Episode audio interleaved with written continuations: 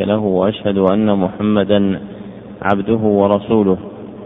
أما بعد فهذا هو الدرس الثامن عشر من برنامج الدرس الواحد السابع والكتاب المقروء فيه هو خصائص جزيرة العرب للعلامة بكر أبو زيد رحمه الله. وقبل الشروع في إقرائه لا بد من ذكر مقدمتين اثنتين. المقدمة الأولى التعريف بالمصنف وتنتظم في ثلاثة مقاصد.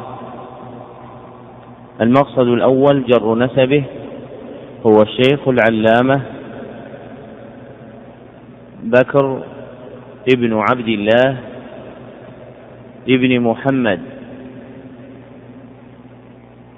أبو زيد القضاعي. يكنى بأبي عبد الله. المقصد الثاني تاريخ مولده. ولد سنة خمس وستين بعد الثلاثمائة والألف.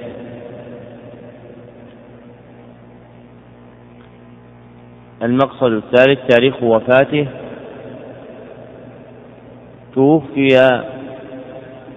في يوم الثلاثاء الثامن والعشرين من محرم الحرام. سنة تسع وعشرين بعد الأربعمائة والألف وله من العمر أربع وستون سنة رحمه الله رحمة واسعة. المقدمة الثانية تعريف بالمصنف وتنتظم في ثلاثة مقاصد أيضا. المقصد الأول تحقيق عنوانه طبع هذا الكتاب تحت نظر مصنفه باسم خصائص جزيرة العرب. المقصد الثاني بيان موضوعه. موضوع هذا الكتاب هو الإفصاح عن الخصائص التي امتازت بها جزيرة العرب.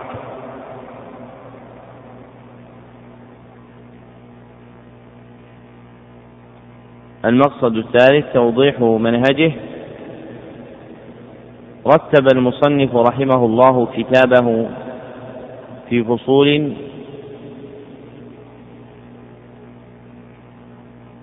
عرض فيها مقاصد القول في تلك الخصائص.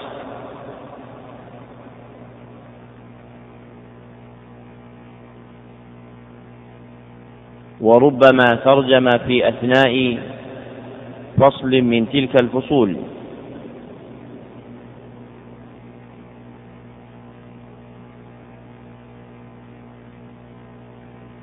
ونسج الكتاب في صياغة أدبية رفيعة.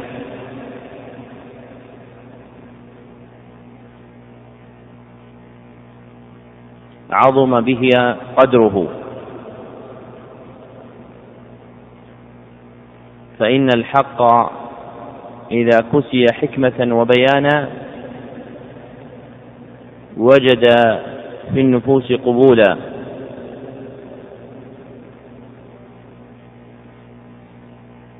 نعم. بسم الله الرحمن الرحيم. اللهم اغفر لنا ولشيخنا وللمسلمين. قال الشيخ بكر أبو زيد رحمه الله تعالى الحمد لله تعالى حق حمده وأشهد أن لا إله إلا الله وحده لا شريك له ولا معقب لحكمه. وأشهد أن محمدا عبد الله ونبيه ورسوله ومصطفاه من خلقه. اللهم صل وسلم عليه وعلى آله وصحبه ومن اهتدى بهديه واستنى بسنته.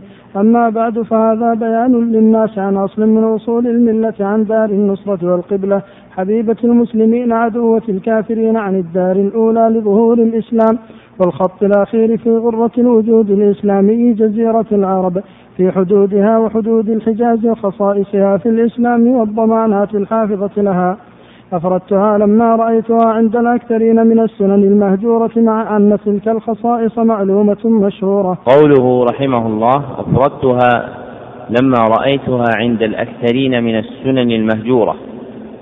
قيد حسن في إطلاق الحكم على سنة ما بأنها مهجورة. فلا ينبغي للمرء أن يتجاهر بالحكم على شيء من المأثور بأنه سنة مهجورة. إلا بقيد الإخبار بحسب علمه كأن يقول إنها سنة مهجورة فيما علمنا من حال الناس أو أن يقول إنها سنة مهجورة عند الأكثرين. أما التجاهر بالجزم بأنها سنة مهجورة بحيث تخلو منها البسيطة فهذا يفتقر إلى علم كامل ولا يكمل علم في مثل هذا إلا لربنا عز وجل. نعم. وإن الله سبحانه جلت حكمته قد رتب أحكام هذه الدنيا على أسباب ظاهرة ولم يجعلها قدرية محضة.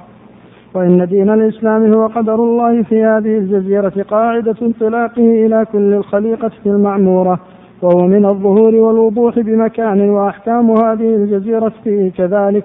بل هي من آخر ما عهده النبي صلى الله عليه وسلم وهو على فراش الموت إلى أمته. وإنك إذا أدرت النظر في سبب هجرها عند الأكثرين رأيته أثرا من آثار موجة الفتور التي تمر بالمسلمين. من ضعف الحس والغفلة عن تنشيطه صعودا إلى الترقي في مدارج الإسلام والإبقاء على امتيازات داره وكيان أهله.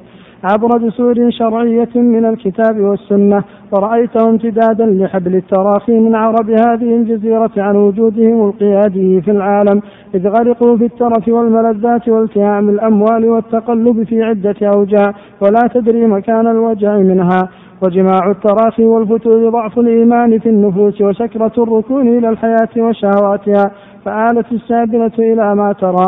ومن شداد ولائده أسر النفوس على توثبها بالحق لنصرته مضغوطا عليها من كل جانب سواء علينا أجزعنا أم صبرنا ما لنا من محيص. وهذا البيان تذكرة باحثة عن خصائص الجزيرة وسبل حمايتها ثم تنزيل وسائل الإصلاح والاستصلاح وبعث الهمم على إعمالها وتخليصها من الأدوات التي من الأدواء التي دبت إليها.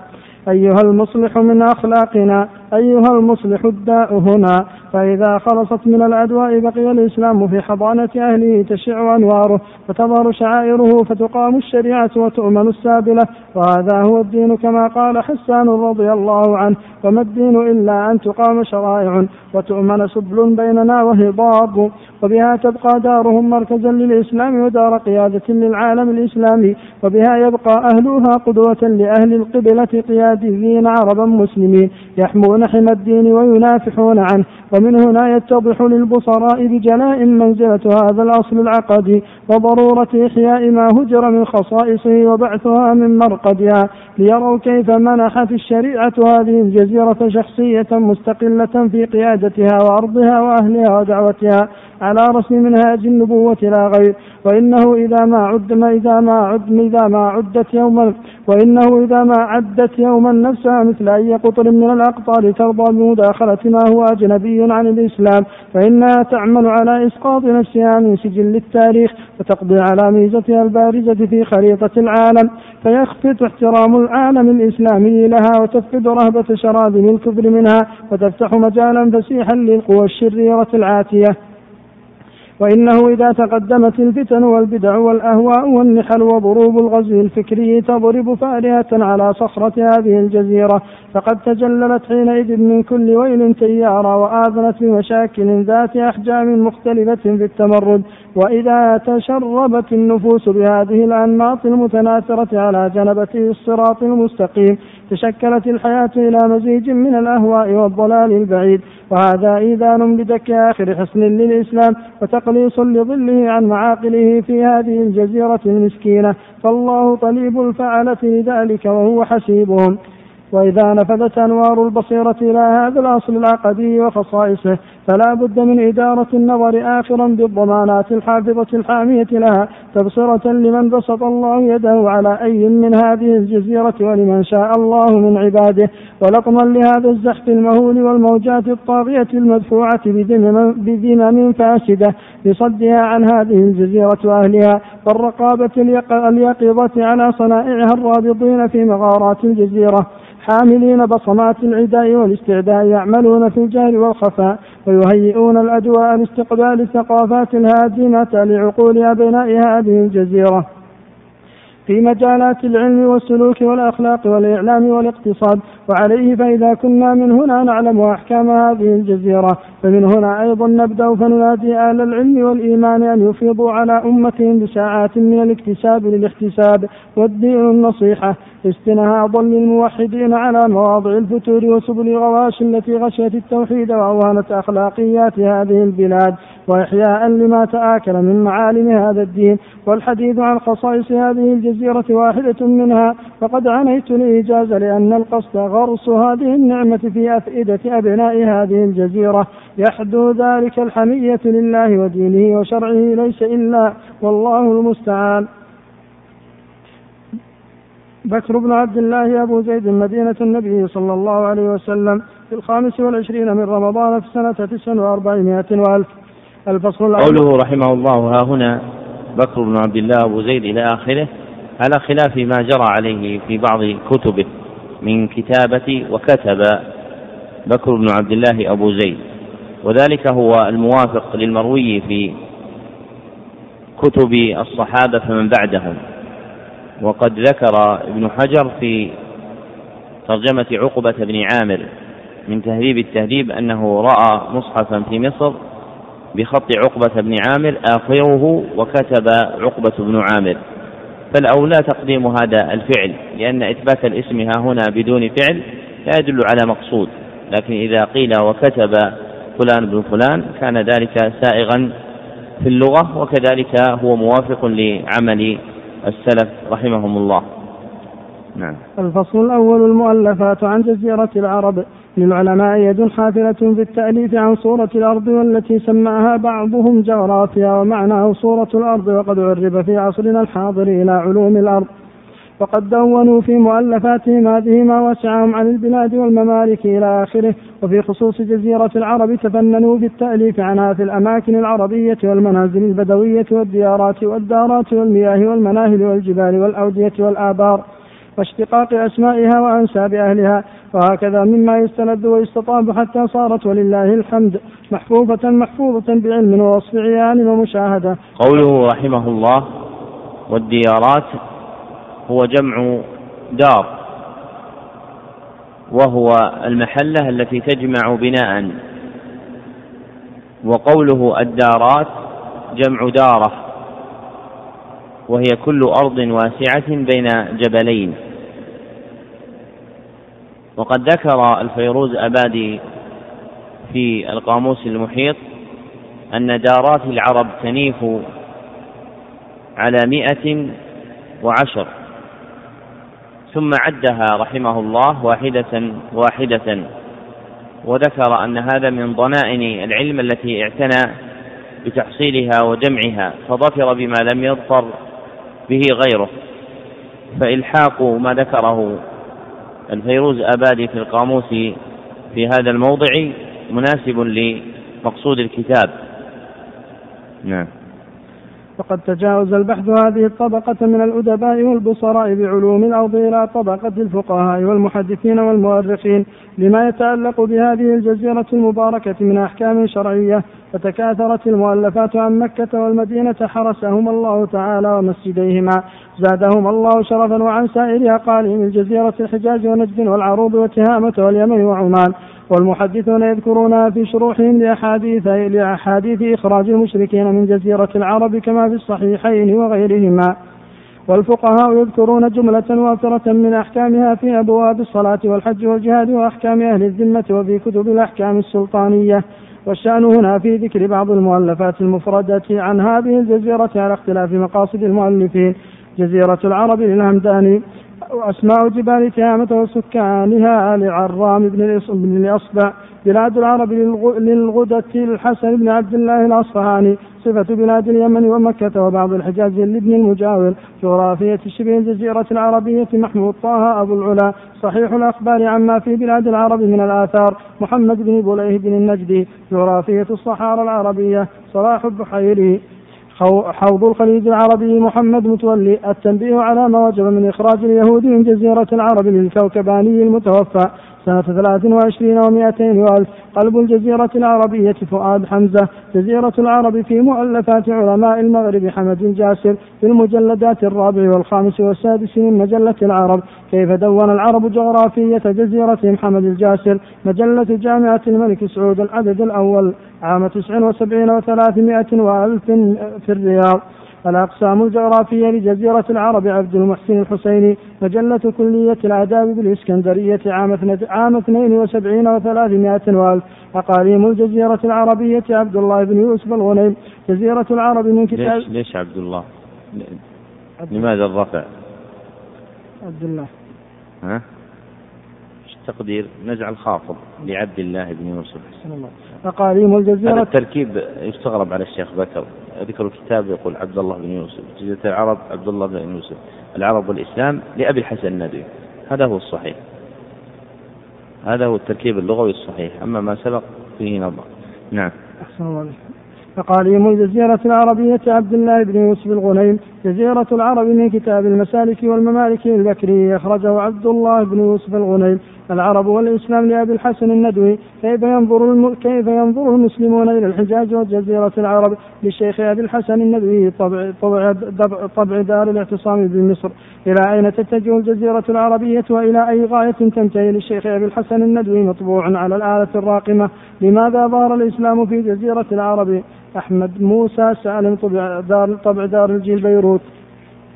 اتجاه الموجات البشرية في جزيرة العرب محب الدين الخطيب طبع عام 44 و300 وألف. الدعوة إلى الله في جزيرة العرب سعد الحصين دراسة في مصادر الجزيرة العربية لأبي علية وفي مجلات العرب والدارة والوثيقة بحوث عنها وعقد في جامعة الملك سعود بالرياض ندوات عام 97 و300 وألف. فما بعد عن مصادر فما بعد عن مصادر تاريخ الجزيرة. الفصل الثاني أسماء الجزيرة وأقاليمها. أسماء جزيرة العرب كثرة الأسماء تدل على شرف المسمى ولهذه الجزيرة جملة أسماء كلها مضافة إلى العرب لا غير. من أسمائهما جزيرة العرب وأرض العرب وقد وردا في السنة واستعمالات الفقهاء. ومنها بلاد العرب وديار العرب ويقال الآن الجزيرة العربية وشبه جزيرة العرب.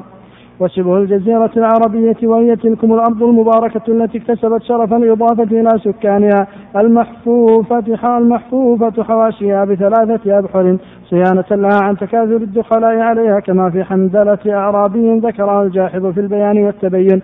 الحمد لله الذي جعل جزيرة العرب في حاشية وإلا لدامت هذه العجمان خضراءهم. والجزيرة ما جزر عن البحر قال ابن دريد سمي جزيرة لانقطاعها عن معظم عن معظم الأرض. وأصل الجزر القطع ومنه سمي الجزار جزارا لقطع أعضاء البهيمة.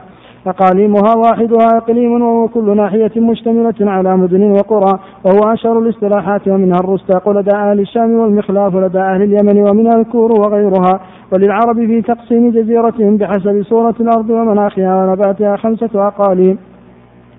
إقليم تهامة ويقال الغور ويقال غور تهامة وهما بمعنى إقليم الحجاز ويقال السرى وقيل السرى اسم للجزء الجنوبي من جبال الحجاز.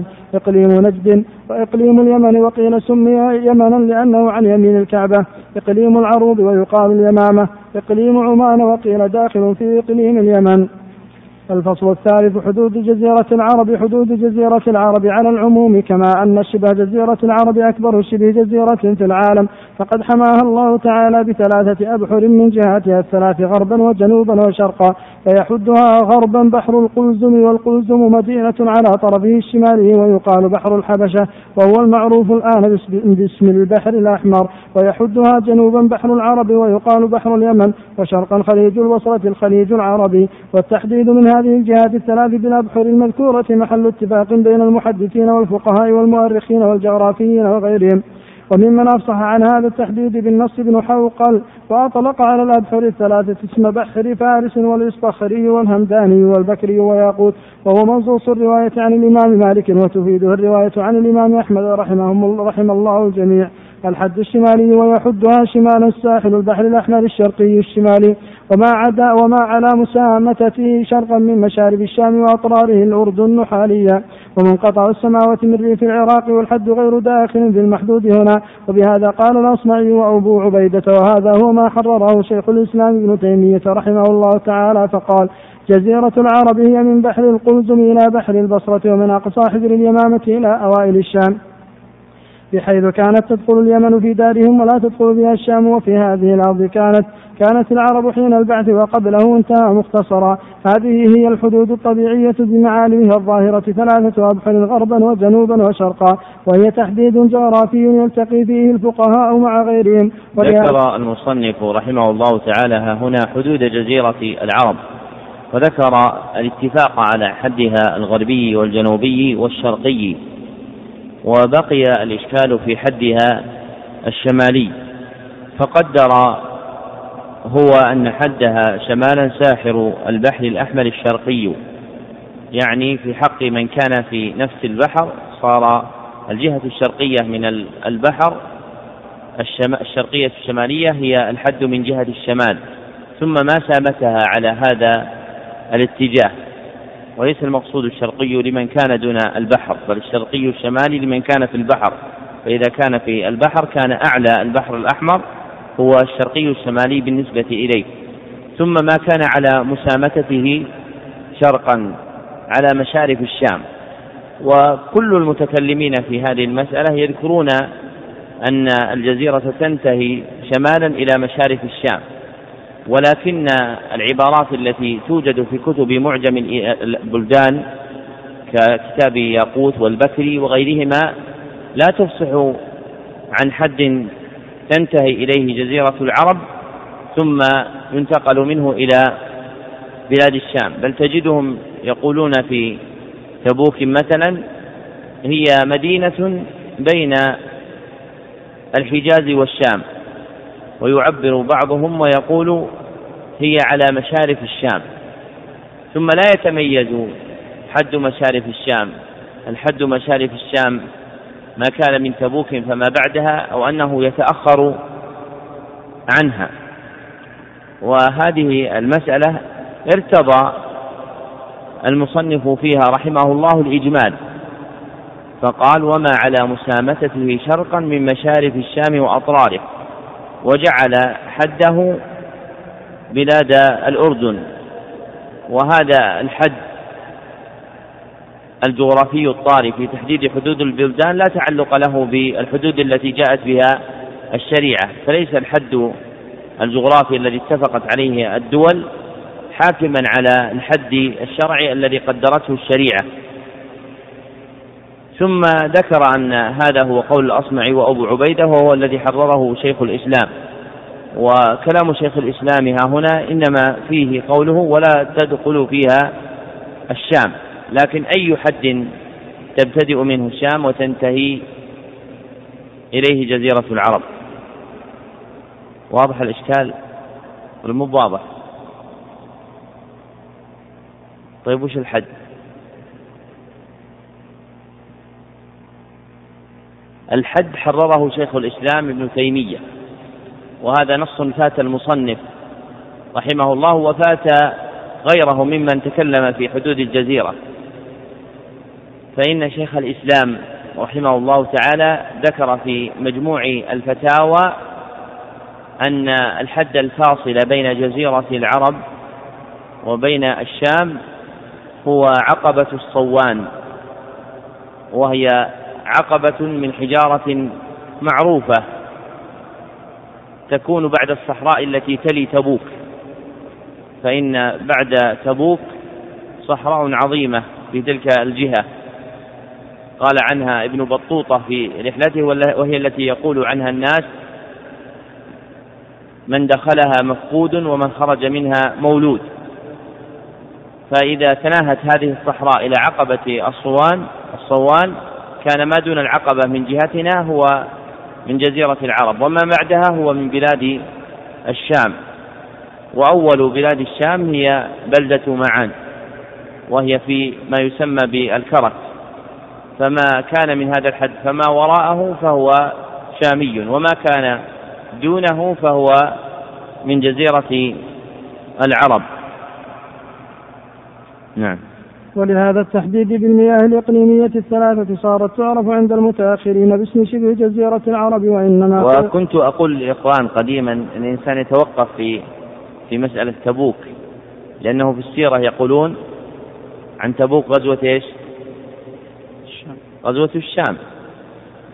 فبعض فأكثر نقلة السيرة يجعلون غزوة للشام لا باعتبار أن تبوك من بلاد الشام لكن باعتبار أن الولاية التي كانت جهتها هي ولاية أهل الشام وهم الروم. أما على التحقيق الذي ذكرنا فإن تبوك من جزيرة العرب وليست من الشام. نعم.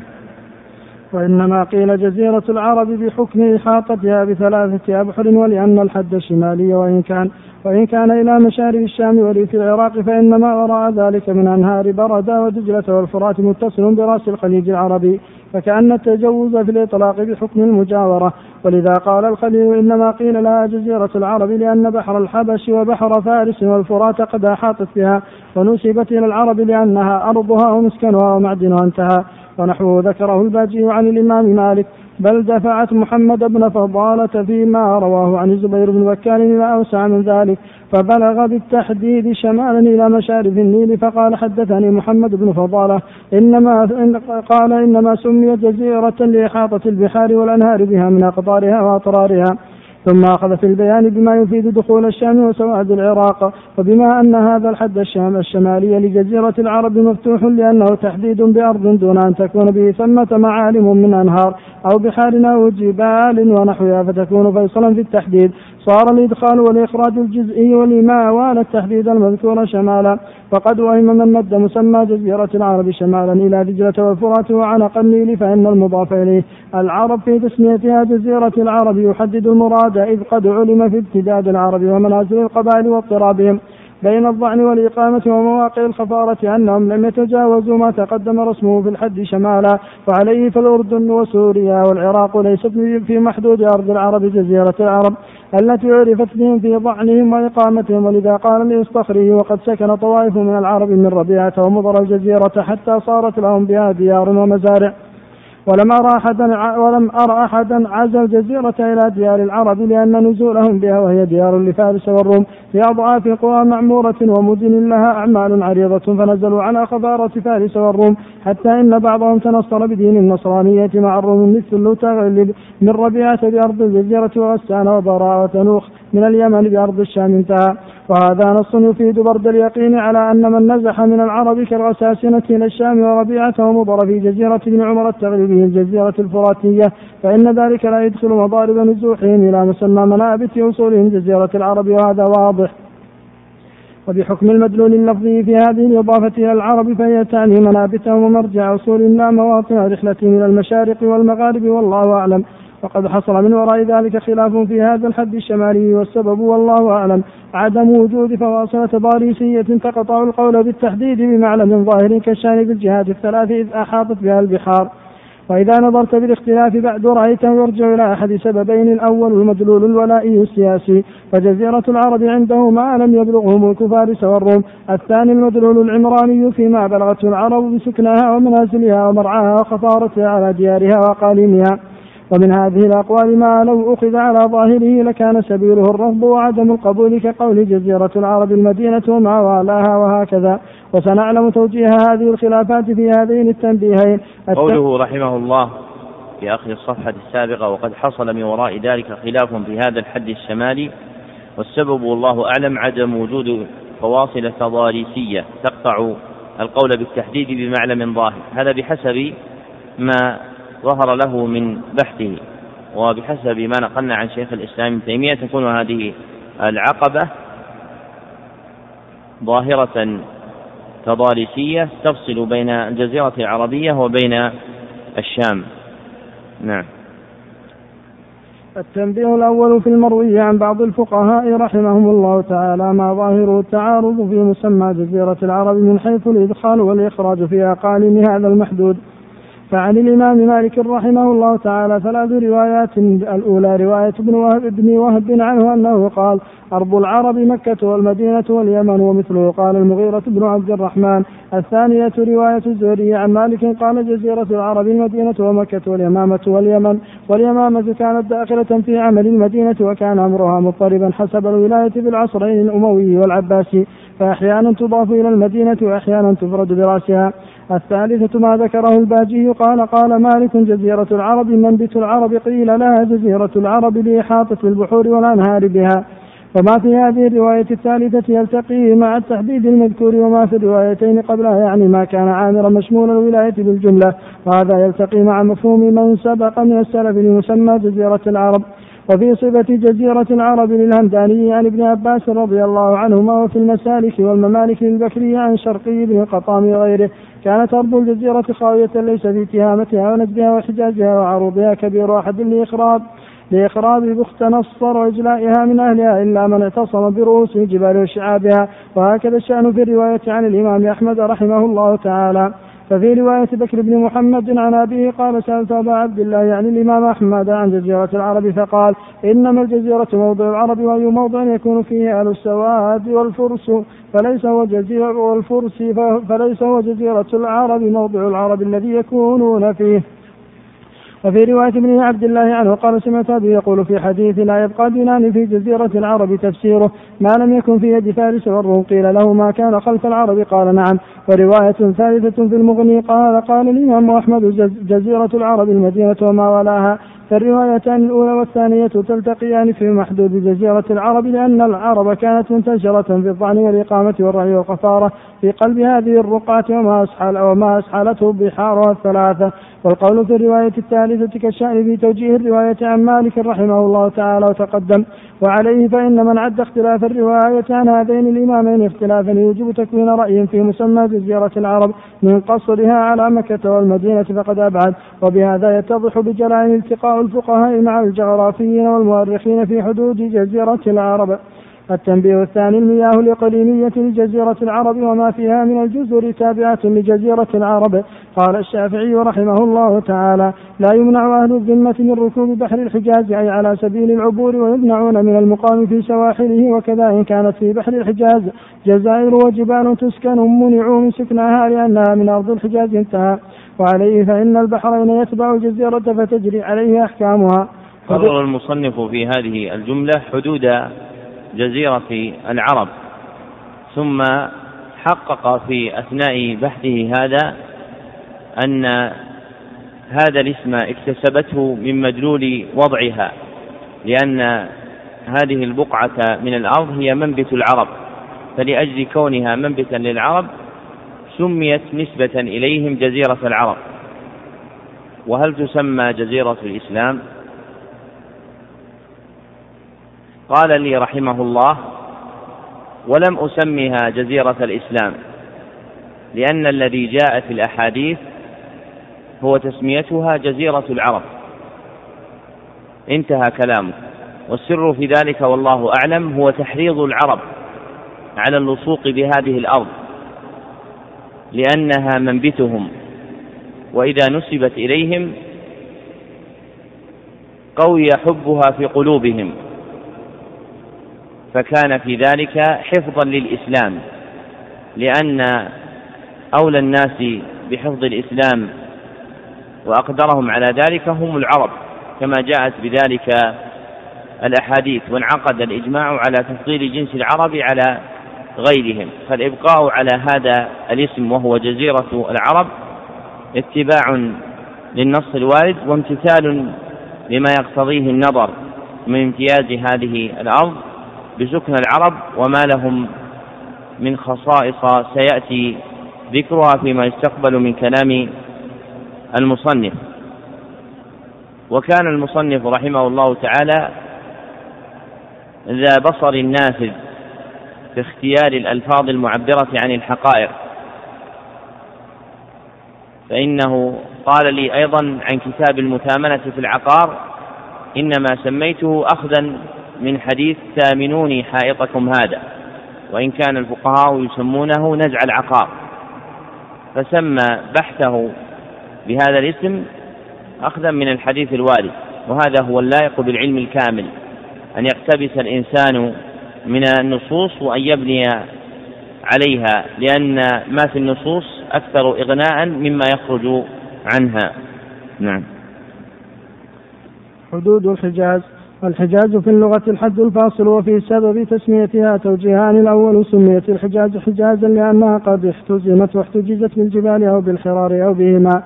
فسميت حجازا فهو من الاحتجاج بمعنى شد الوسط بالحجزة أو بالحجاز الثاني أو لأن جبالها وحرارها قد حجزت بين نجد والسرة أو بين نجد واليمن أو بين نجد وهو ظاهر وبين إقليم تهامة وهو غائر أو بين الشام والغور فسميت بذلك حجازا والحجاز حجازان. الأول حجاز المدينة وهو ما حجزته الحرار والحرار الحاجزة هي خيط من حجارة سوداء تمتد من الجنوب إلى الشمال في في سلسلة متتابعة فتتسع أحيانا وتضيق أحيانا في مواضع وهي من الجنوب مما يلي مكة إلى المدينة شمالا فتبوك حرة بين حرة بين بني سليم فحرة واقم فحرة ليلى فحرة شوران فحرة النار وهي أطولها مسافة.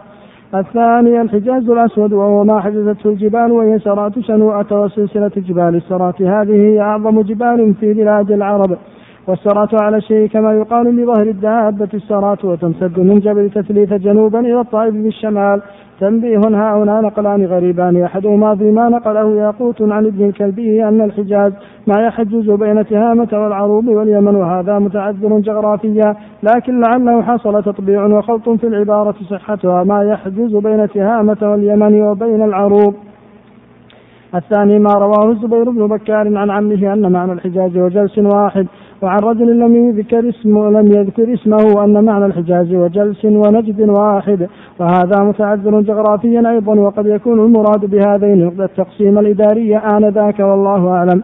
ومن هذه التقدمة تعرف برك الحجاز بالجملة مكة والمدينة ومخاليفهما وتلك الحرار ومن حاز عنها غربا إلى ساحل البحر الأحمر. وإذا كان الحجاز معروف العين بجملته وامتداده من الجنوب إلى الشمال وشرقا تلكم الجبال والحرار لكن هناك خلاف كبير في نهاية هذه الحدود للحجاز جنوبا وشمالا وشرقا.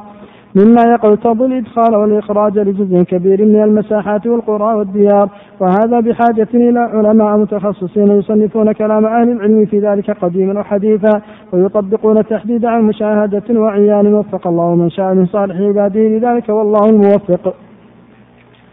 الفصل الرابع خصائص جزيرة العرب ينتظر هذه المسألة كما ذكر المصنف وهي حدود الحجاز تفتقر إلى تحرير في نهاياتها.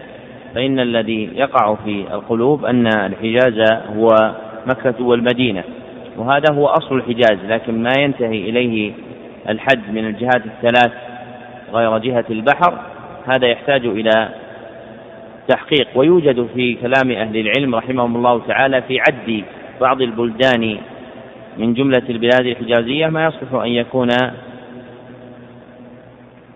معينا على التحديد.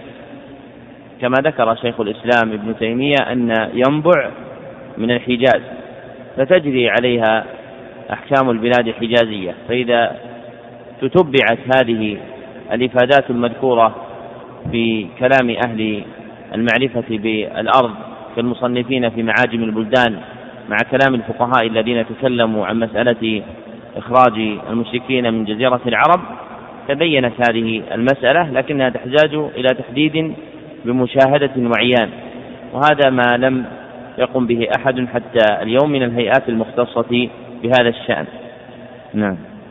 الفصل الرابع خصائص الجزيرة العرب ينتظم هذا ذكر خصائص الجزيرة عموما فالحجاز خصوصا فعرب الجزيرة خصوصا فالعرب عموما. فألق لها سمعك فهو خير تدل عليه. أولا خصائص الجزيرة عموما. هذه جملتها الأولى. هذه الجزيرة حرم الإسلام فهي معلمه الأول وداره الأولى. قصبة الديار الإسلامية وعاصمتها وقاعدة لها على مر العصور وكر الدهور. منها تفيض أنوار النبوة الماحية لظلمات الجاهلية. ولذلك جاءت المنح المحمدية في صحيح السنة. بما لهذه الجزيرة من خصائص وأحكام لتبقى هذه المنطقة قاعدة الإسلام دائما. كما كانت قاعدته أولا ومعقل الإيمان آخرا كما كانت سابقا. وهذه وأيم الله ضمانات لا يمكن أن تكون لهيئة الأمم المتحدة ولا لمجلس الأمن ولا لمنظمة الإعلان العالمي لحقوق الإنسان التي ما نشأت إلا في محيط حكومات الغاب وتهارش العباد. أما جزيرة العرب فلها من سام المكانة التي تتميز بها في خريطة العالم ودقيق الضمانة واجب توفيرها. ما يجعل فعاليتها في أمم الأرض تفوق هذه المؤتمرات التي هي في حقيقتها تآمر على على ما ينبذونه توهيعا باسم العالم باسم العالم الثالث. الذي ليس بعده في حسبانهم من رابع وباسم الشرق الأوسط وهذا الاصطلاح الحادث وسابقه من تخطيط يهود قبحهم الله لتبقى منطقة العرب والمسلمين منطقة جغرافية فحسب الاختصاص لها بعرب ولا بمسلمين وهو تخطيط خبيث يرمي بعد إلى تسويق إقامة دولة يهود خسئوا وليعلم أولا أن الشرق مشرق العظائم وأنه بلغ موضع أقدامهم بسلطان قائم وما على الله بعزيز أن يبلغ الإسلام مبلغه منهم وبالغ الأمل في الأفق يلوح ونزول النصر لنا مرهون منا بتوبة النصوح. فاعرف هذه الخصيصة لجزيرة العرب من أنها حرم الإسلام. وللحرم حرماته التي لا تنتهك ولن تكون دار كفر أبدا. ولا حول ولا قوة إلا بالله العزيز الحكيم. الثانية عن جابر بن عبد الله رضي الله عنه أن رسول الله صلى الله عليه وسلم قال إن الشيطان يئس أن يعبده المصلون في جزيرة العرب ولكن في التحريش بينهم. رواه مسلم في صحيحه والترمذي وأحمد وأبو يعلى والبغوي في شرح السنة وابن أبي عاصم في السنة وابن حبان من طرق عنه وقد جاء هذا الحديث عن جماعة من الصحابة بألفاظ متقاربة. الأول حديث جبريل بن عبد الله جرير بن عبد الله البجلي رواه الطبراني في المعجم الكبير. وفي سنده حسين بن ابن ابن حسين وفي سنده حسين بن عمر الأحمسي. قد ضعفه الجمهور كما قال الهيثمي في مجمع الزوائد.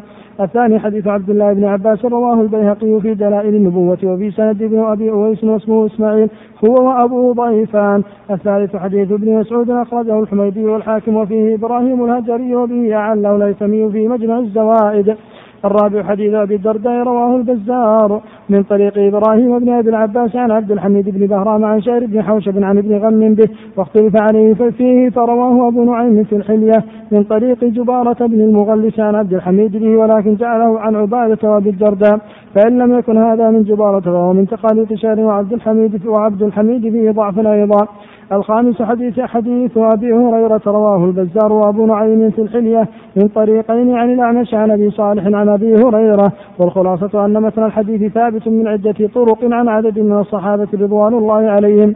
ومعنى هذا الحديث أن الشيطان يئس من اجتماع أهل الجزيرة على الإشراك بالله تعالى ومنذ بعثة النبي صلى الله عليه وسلم وهي إلى يومنا هذا دار إسلام ولله الحمد حماها الله وسائر أوطان المسلمين ولم يعرف الشرك فيها إلا جزئيا على فترات في فرد أو أفراد ثم يهيئ الله على مدى الأزمان من يردهم إلى دينهم الحق. على أن بعض العلماء رحمهم الله تعالى رأى عموم هذا الحديث لأمة محمد صلى الله عليه وسلم. قال ابن رجب رحمه الله في شرحه لهذا الحديث. المراد أنه يئس أن تجتمع الأمة كلها على الشرك الأكبر انتهى. وذلك كما في قول الله تعالى من سورة المائدة اليوم يئس الذين كفروا من دينكم. قال ابن كثير رحمه الله تعالى وعلى هذا يرد الحديث الصحيح وذكره وبهذا يكون ذكر جزيرة العرب لمزيتها بأنها أصل ديار الإسلام وأهلها أصل المسلمين ومعدتهم والله أعلم. ذكر المصنف رحمه الله تعالى هنا خصيصة ثانية من خصائص جزيرة العرب وهي الخصيصة المذكورة في قوله صلى الله عليه وسلم إن الشيطان يئس أن يعبده المصلون في جزيرة العرب ولكن في التحريش بينهم. ومعنى قوله صلى الله عليه وسلم إن الشيطان يئس أن يعبده المصلون يعني بحسب ما قام بعلمه وظنه فإنه لما رأى إقبال الناس على الدخول في دين الله أفواجا في عهد النبي صلى الله عليه وسلم لحقه مثل هذا اليأس. ووقوع اليأس منه لا يفيد الجزم بعدم وقوع الشرك في جزيرة العرب. لورود أحاديث عن النبي صلى الله عليه وسلم بوقوعه في هذه الجزيرة كما في حديث لا تقوم الساعة حتى يلحق فئام من أمتي بالمشركين وهو في الصحيح. وكذلك حديث ذكر اضطراب إلياس نساء دوس عند ذي الخلصة وهو في الصحيح أيضا. وحينئذ يكون معنى قوله صلى الله عليه وسلم أن يعبده المصلون أي جميعهم. وليس المقصود نفي وقوع عبادة غير الله عز وجل في جزيرة العرب. ولا بد من المصير إلى هذا للجمع بين الأحاديث. فيصير معنى أن يعبده المصلون أي أن يجتمعوا عن عبادته على عبادته في جزيرة العرب. والمعنى الذي ذكره ابن رجب في قوله المراد أنه يئس أن تجتمع الأمة كلها على الشرك الأكبر راجع إلى المعنى الأول لأنه إذا قطع بأن في جزيرة العرب من يبقى يعبد الله فعلى هذا لن تجتمع الأمة على عبادة غير الله عز وجل. فكلام ابن رجب مبني على الأول والأول هو المتبادر من الحديث وهو أن هذه الخصيصة متعلقة بأهل جزيرة العرب. وما سيأتي من الأحاديث من أن الإسلام يألز إلى الحجاز كما في الصحيح يدل على تقرير هذا الأصل وأن بقاء الإسلام ثابت في هذه الجزيرة. نعم. الثالثة جزيرة العرب وقف في الإسلام على أهل الإسلام على من قال لا إله إلا الله محمد رسول الله وقام بحقهما جزيرة العرب وديعة النبي صلى الله عليه وسلم إلى أمته التي استحفظهم عليها في آخر ما عهده النبي صلى الله عليه وسلم. فهي دار طيبة لا يقطعها إلا طيب ولما كان المشرك خبيثا بشركه حرمت عليه جزيرة العرب. ويدل لهذا عدد من الأحاديث الصحيحة عن النبي صلى الله عليه وسلم من حديث عمر وابن عبد الله وعائشة رضي الله عنهم وحديث عمر بن عبد العزيز مرسلا فهو فعن عمر رضي الله عنه أنه سمع رسول الله صلى الله عليه وسلم يقول لأخرجن اليهود والنصارى من جزيرة العرب حتى لا أدع إلا مسلما. رواه مسلم وأبو عبيد في الأموال. وعن عائشة رضي الله عنها أن رسول الله صلى الله عليه وسلم قال قاتل الله اليهود والنصارى اتخذوا قبور أنبيائهم. مساجد لا يبقين دينان في أرض العرب متفق عليه. وأخرجه مالك في الموطأ مرسلا عن عمر بن عبد العزيز رحمه الله تعالى. وعن عائشة رضي الله عنها قالت آخر ما عهد رسول الله صلى الله عليه وسلم لا يترك بجزيرة العرب دينان رواه أحمد وغيره عن ابن عمر رضي الله عنهما أن رسول الله صلى الله عليه وسلم قال لا يجتمع في جزيرة العرب دينان. رواه أبو عبيد في الأموال. فهذه الأحاديث في الصحاح نص على أن الأصل شرعا منع أي كافر مهما كان دينه أو صفته. من الاستيطان والقرار في جزيرة العرب وأن هذا الحكم من آخر ما عهده النبي صلى الله عليه وسلم إلى أمته وبناء على ذلك فليس لكافر دخول جزيرة العرب للاستيطان بها وليس للإمام عقد الذمة لكافر بشرط الإقامة لكافر بها فإن عقده فإن عقده فهو باطل. وليس للكافر المرور والإقامة المؤقتة بها إلا لعدة ليال لمصلحة كاستيفاء دين وبيع بضاعة ونحوهما. وليس للكافر اتخاذ شيء من جزيرة العرب دارا بتملك أرض أو بناء عليها لأنه إذا حرمت الإقامة والاستيطان حرمت الأسباب إليهما. وما حرم استعماله حرم اتخاذه. ولهذا فلو أحيا الكافر أرضا فهي لوضع فاسد يمكنه لم يملك بالإحياء والواجب نزعه منه بوجهه الشرعي فلو تملك كذلك لم يكن له حق الشفعة فليس لعرق ظالم فليس لعرق ظالم حق. ولا تدفن جيفة كافر بها فإن مات على أرض الجزيرة نقل عنها إلا للضرورة كالتعفن فتغيب جيفته في عماء من الأرض فتغيب جيفته في عماء من الأرض. لا في مقبرة تعد لهم. بناء على ما أجمع عليه العلماء من تحريم بناء المعابد الكبرية مثل الكنائس. في بلاد المسلمين وأنه لا يجوز اجتماع قبلتين في بلد واحد من بلاد الإسلام ولا أن يظهر فيها شيء من شعائر الكفر لا كنائس ولا غير ولا غيرها. وما أجمع عليه العلماء من وجوب هدم الكنائس إذا أحدثت وأنه لا يجوز معارضة ولي الأمر في هدم المعابد الكفرية بل تجب طاعته وبناء على ما هو معلوم من الدين بالضرورة من تحريم الكفر الذي يقتضي تحريم إنشاء مكان يكفر فيه يكفر فيه بالله تعالى.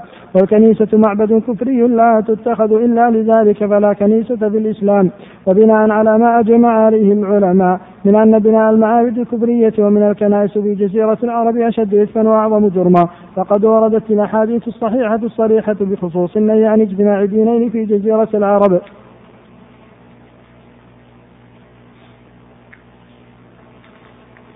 وفي الإقناع قال الحجوي في باب حكم مرتد ما نصه نقل عن شيخ الإسلام ابن تيمية رحمه الله رحم الله الجميع. وقال الشيخ أي شيخ الإسلام ابن تيمية من اعتقد أن الكنائس بيوت الله وأن الله يعبد فيها أو أن أو أن ما يفعله اليهود والنصارى عبادة لله وطاعة لرسوله. أو أنه يحب ذلك أو يرضاه أو أعانهم على فتحها وإقامة دينهم وأن ذلك قربة أو طاعة فهو كافر. وقال في موضع آخر من اعتقد أن زيارة أهل الذمة كنائسهم قربة إلى الله فهو مرتد وإن جهل أن ذلك محرم عرف ذلك. فإن أصر صار مرتدا انتهى. بناء على جميع ما تقدم فإنه ليس بكافر إحداث كنيسة فيها ولا بيعة ولا صومعة ولا بيت نار ولا نصب صنم. تطهيرا لها عن الدين الباطل ولعموم الأحاديث. وعليه فليس للإمام الإذن بشيء منها ولا الإبقاء عليها محدثا كان أو قديما. ولأنه لا يجوز إقرار ساكن وهو على الكفر فإن وجد بها كفار كفار فلا يقبل منهم إلا الإسلام أو السيف عليه. فلا تثبت الجزية في رقابهم مع الإقامة بها. وبما أن جزيرة العرب دار إسلام أبدا فهي جميعها أرض عشر لا تكون خراجية أبدا لأن الخراج بمنزلة الجزية كما لا تثبت في رقابهم مع الإقامة بها. لا تثبت في أرض تملكها ظلما بها لكنه الإسلام أو السيف أو الجلاء. وكل هذه الأحكام بقصد إحكام الوحدة السياسية بالوحدة الجنسية. ذكر المصنف رحمه الله تعالى هنا الخصيصة الثالثة التي تتعلق بجزيرة العرب وهو ما دلت عليه الأحاديث من أن هذه الجزيرة وقف في الإسلام على أهل الإسلام. وفي هذه الأحاديث الأمر بإخراج اليهود والنصارى من جزيرة العرب وأن لا يبقى دينان في جزيرة العرب. وفرع المصنف رحمه الله تعالى مسائل على تقرير هذا الأصل. ومن المسائل التي قررها ما لا يتغير حكمه باختلاف ما سنرجحه ومنها ما يختلف حكمه باعتبار ما سنرجحه. فإن أهل العلم رحمهم الله تعالى اختلفوا في جزيرة العرب الواردة في هذه الأحاديث هل هي على عمومها أم هي عام أريد به الخصوص. فمذهب جمهور أهل العلم أن جزيرة العرب في هذه الأحاديث هي الحجاز. دون غيره من أقاليم الجزيرة. وذهب بعض أهل العلم إلى تعميم هذا الحكم على جزيرة العرب جميعا. واختار الأول جماعة من المحققين منهم النووي وشيخ الإسلام ابن تيمية وابن حجر العسقلاني. وهذا هو الموافق للدليل. والدليل على ذلك هو أن عمر رضي الله عنه لما أخرج اليهود عملا بهذا الحديث أخرجهم إلى تيماء وأريحاء. وتيماء هي من جزيرة العرب فهي من البلدان الداخلة في اسم جزيرة العرب وليست من البلاد الشامية بخلاف أريحا فلما كان هذا هو عمل عمر وأقره عليه الصحابة في معنى الإخراج من جزيرة العرب دل على أن المقصود هو نفيهم من جزيرة العرب التي هي الحجاز لا نفيهم من جميع جزيرة العرب. وهذا القول كما ذكرنا هو الراجح الموافق للدليل. ولم يعرض المصنف رحمه الله تعالى لتفصيل هذه المسألة وكأنه جرى على قاعدة الشرع في أدلة الوعيد والتخويف فإن المناسب فيها إجمالا وتفصيلا النظر إلى حال الناس فإذا كانوا على دين وخير فصل لهم الوعيد وإذا كانوا على معصية وإعراض سيق الوعيد مجملا لأنه أبلغ في وعظهم. فكأن المصنف لما رأى تتايع الناس على التفريط في جملة من الأصول المتعلقة بصيانة جزيرة العرب عما جاء به الشارع لم يتعرض لتفصيل هذه المسألة. ولكن باعتبار ما ينبغي أن يعرفه طالب العلم هو أن العلماء مختلفون في ما يجري عليه هذا الحكم والصحيح من قولي العلماء أن الجزيرة التي يتعلق بها هذا الحكم من عدم إبقاء اليهود والنصارى هي البلاد الحجازية ليس غير. ثم إن هذا الإخراج هو حق لولي الأمر وليس حقا لغيره لأن الأمور العامة مردها في الشرع إلى ولي السلطان والحكم لأنه بذلك تنتظم حياة الناس. وإذا اختل هذا الأصل في الأمور العامة صار كل واحد يفعل ما يشاء. سبق أن تعرضنا لهذه المسألة تفصيلا في السنة الماضية. وبهذا التقرير يعلم أن من المسائل التي ذكرها المصنف ما يكون الراجح خلافها. من المسائل التي تبقى كما هي مثل مسألة بناء المعابد الكفرية. فبناء المعابد الكفرية لا يجوز في جزيرة العرب سواء قلنا هي الحجاز فقط أم إن اسم الجزيرة يعم الجميع. للقطع بأن الجميع هو بلاد للمسلمين ولا يجوز إحداث الكنائس والمعابد في البلاد الإسلامية المستقرة وهي بريئة من ذلك. نعم.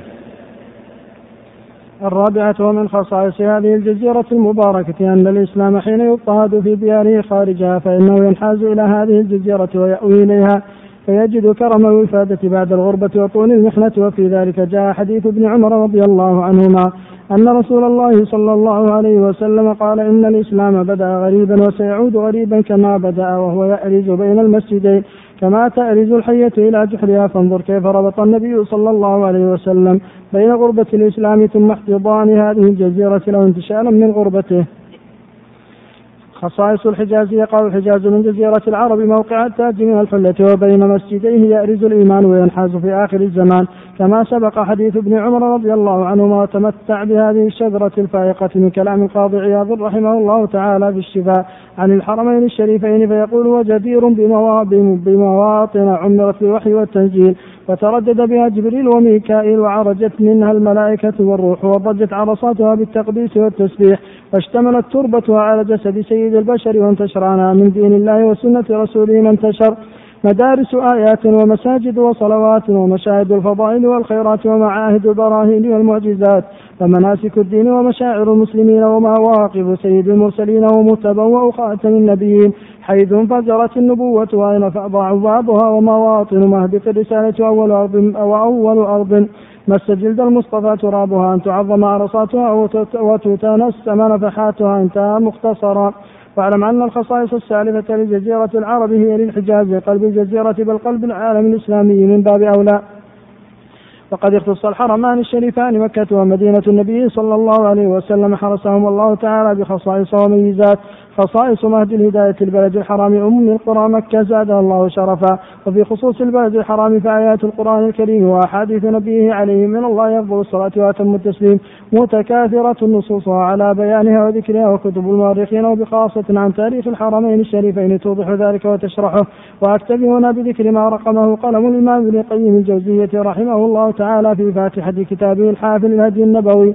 عند تفسير قول الله تعالى وربك يخلق ما يشاء ويختار فقال رحمه الله تعالى ومن هذا اختياره سبحانه وتعالى من الأماكن والبلاد خيرها وأشرفها وهي البلد الحرام فإنه سبحانه وتعالى اختاره لنبيه صلى الله عليه وسلم. هذا جزء من قاعدة الاختيار التي أحلناكم البارحة عليها. قلنا ابن القيم كلامه في الاختيار في تشريف الذوات والأماكن والأوقات وهذا طرف منها. نعم. فإنه سبحانه وتعالى اختاره لنبيه صلى الله عليه وسلم وجعله مناسك لعباده وأوجب عليهم الإتيان إليه من القرب والبعد من كل فج عميق. فلا يدخلونه إلا متواضعين متخشعين متذللين كاشفي رؤوسهم متجردين عن لباس الدنيا وجعله حرما آمنا لا يسفك فيه دم ولا تعبد به شجرة ولا ينفر له صيد ولا يختلى خلاه ولا تلتقط لقطته للتمليك بل, بل للتعريف ليس إلا وجعل قصده مكفرا لما سلف من الذنوب ماحيا للأوزار حاطا للخطايا. كما في الصحيحين عن أبي هريرة رضي الله عنه قال قال رسول الله صلى الله عليه وسلم من أتى هذا البيت فلم يرفث ولم يفسق رجع كيوم ولدته أمه ولم يرضى لقاصده من الثواب دون الجنة ففي السنن من حديث عبد الله بن مسعود رضي الله عنه قال قال رسول الله صلى الله عليه وسلم تابعوا بين الحج والعمرة فإنهما ينفيان الفقر والذنوب كما ينفي الكير خبث الحديد والذهب والفضة وليس للحجة المبرورة ثواب دون الجنة وفي الصحيحين عن أبي هريرة رضي الله عنه أن رسول الله صلى الله عليه وسلم قال العمرة إلى العمرة كفارة لما بينهما والحج المبرور ليس له جزاء إلا الجنة فلو لم يكن البلد الأمين خير بلاده وأحبها إليه ومختاره من البلاد لما جعل عرصاتها مناسك لعباده فرض عليهم قصدها وجعل ذلك من اكد فروض الإسلام.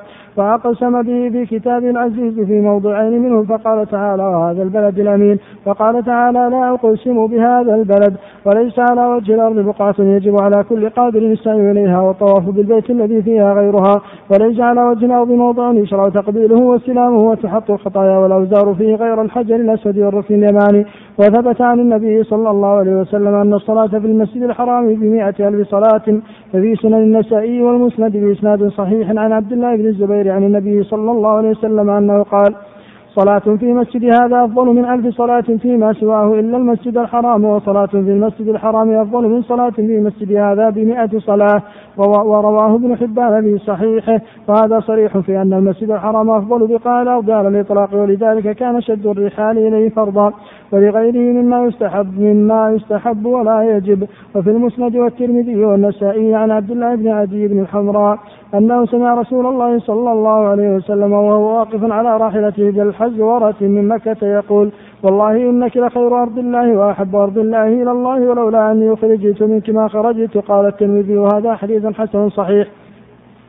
بل ومن خصائصها كونها قبلة لأهل الأرض كلهم فليس على وجه الأرض قبلة غيرها ومن خواصها أيضا أنه يحرم استقبالها واستدبارها عند قضاء الحاجة دون سائر بقاع الأرض وأصح المذاهب في هذه المسألة أنه لا فرق بين الفضاء والبنيان لبضعة عشر دليلا قد ذكرت في غير هذا الموضع وليس مع المفرق ما يقاومها ما يقاومها البتة مع تناقض في مقدار الفضاء والبنيان وليس هذا موضع استيفاء الحجاج من الطرفين ومن خواصها أيضا أن المسجد الحرام أول مسجد في الأرض كما في الصحيحين عن أبي ذر رضي الله عنه قال سألت رسول الله صلى الله عليه وسلم عن أول مسجد الأرض فقال المسجد الحرام. قلت ثم أي قال المسجد الأقصى؟ قلت كم بينهما؟ قال أربعون عاما. وقد أشكل هذا الحديث على من لم يعرف المراد به فقال معلوم أن سليمان بن داود هو الذي بنى المسجد الأقصى وبينه وبين إبراهيم أكثر من ألف عام. وهذا من جهل هذا القائل فإن سليمان إنما كان له من المسجد الأقصى تجديده لا تأسيسه والذي أسسه هو يعقوب بن إسحاق صلى الله عليه وآله وسلم بعد بناء إبراهيم الكعبة بهذا المقدار. ومما يدل على تفضيلها أن الله تعالى أخبر أنها أم القرى والقرى كلها تبع لها فرع عليها وهي أصل القرى فيجب أن لا يكون لها في القرى عديل. فهي كما أخبر النبي صلى الله عليه وسلم عن الفاتحة أنها أم القرآن ولهذا لم يكن لها من الكتب الإلهية عديل. ومن خصائصها أنها لا يجوز دخولها لغير أصحاب الحوائج المتكررة إلا بإحرام. وهذه خاصية لا يشاركها فيها شيء من البلاد. وهذه المسألة تلقاها الناس عن ابن عباس رضي الله عنهما وقد روي عن ابن عباس بإسناد لا يحتج به مرفوعا. لا يدخل أحد مكة إلا بإحرام من غير أهلها. ذكره أبو أحمد بن عدي. ولكن حجاج بن أرطاة في الطريق وآخر قبله من الضعفاء. وللفقهاء في المساجد ثلاثة أقوال. للنفي والإثبات والفرق بين من هو داخل المواقيت ومن هو قبلها. فمن قبلها لا يجاوزها إلا بإحرام ومن هو داخلها. فحكمه حكم أهل مكة. وهو قول أبي حنيفة. والقولان الأولان للشافعي وأحمد. وقد تقدم بيان أن الراجح في هذه المسألة أن من دخل لأجل النسك فإنه لا يجوز أن يتجاوز تلك المواقيت إلا بإحرام فيكون دخوله بإحرام. وأما من لم يرد النسك فإنه لا يجب عليه أن يتلبس بالإحرام لأجل دخولها. نعم. ومن خواصه أنه يعاقب فيه على الهم بالسيئات وإن لم يفعلها قال تعالى ومن يرد فيه بإلحاد بظلم نذقه من عذاب أليم.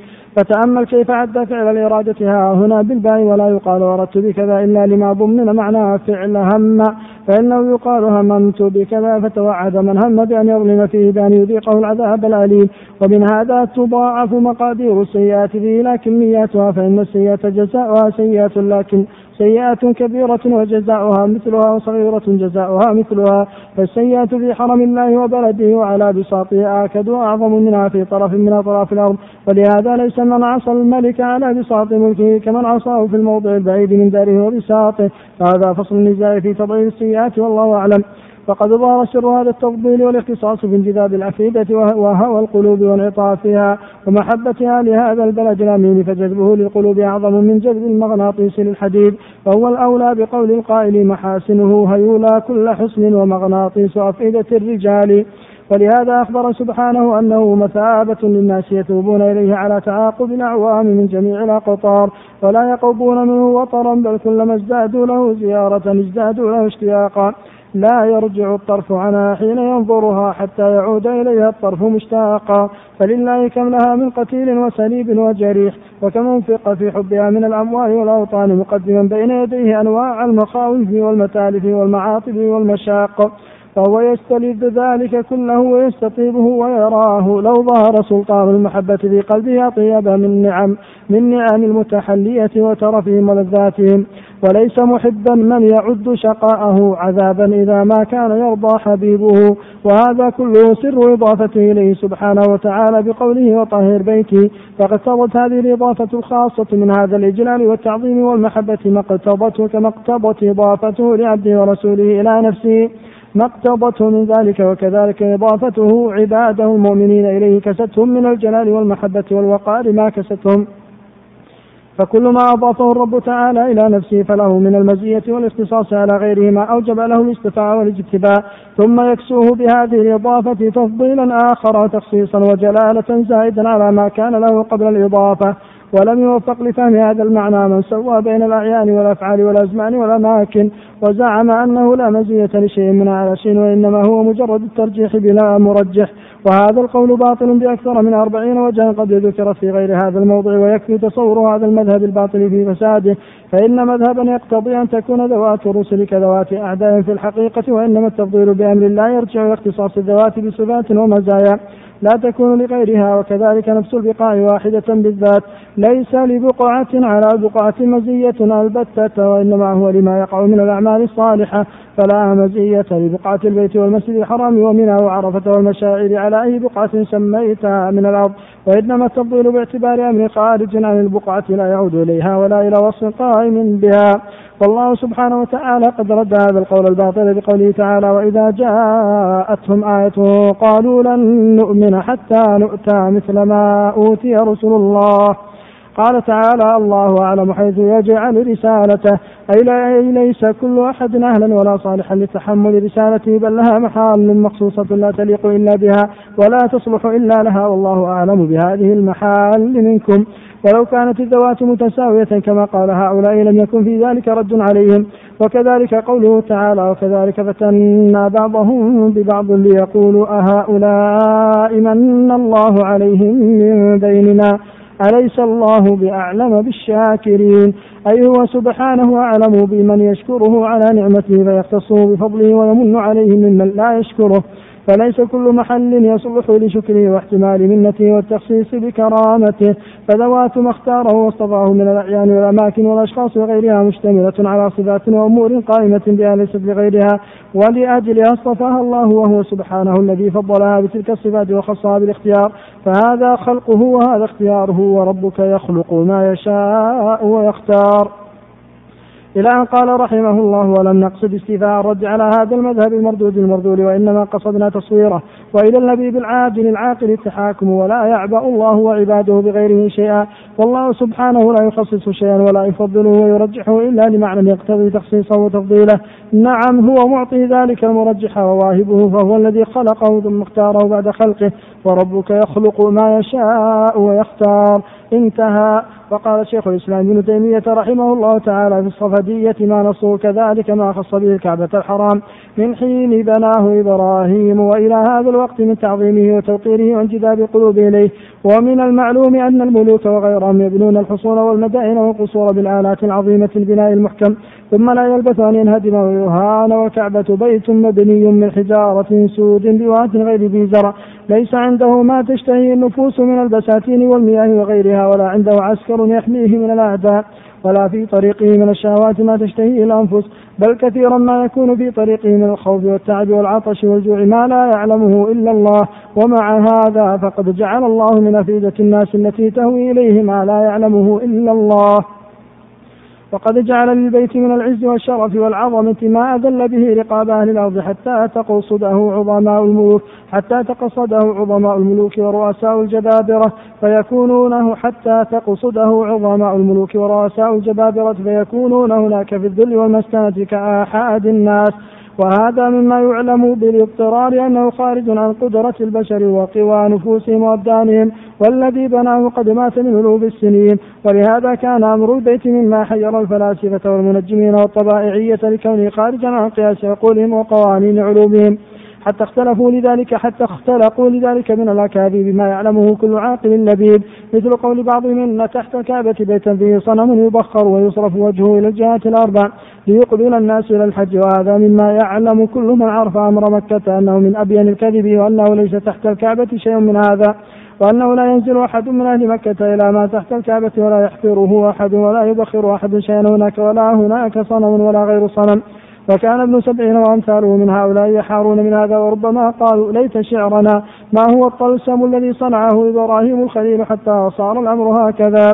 وهم يعلمون أن أمور الطلاسم لا تبلغ مثل هذا وأنه ليس في الأرض ما يقارب هذا وأن الطلاسم أمور معتادة معروفة بأسباب معروفة ولهذا يصنع الرجل طلسما ويصنع الآخر مثله أو أعظم منه وأما هذا فخارج عن قدرة البشر وليس بالوجود طلسم. الطلسم المراد به العمل السحري.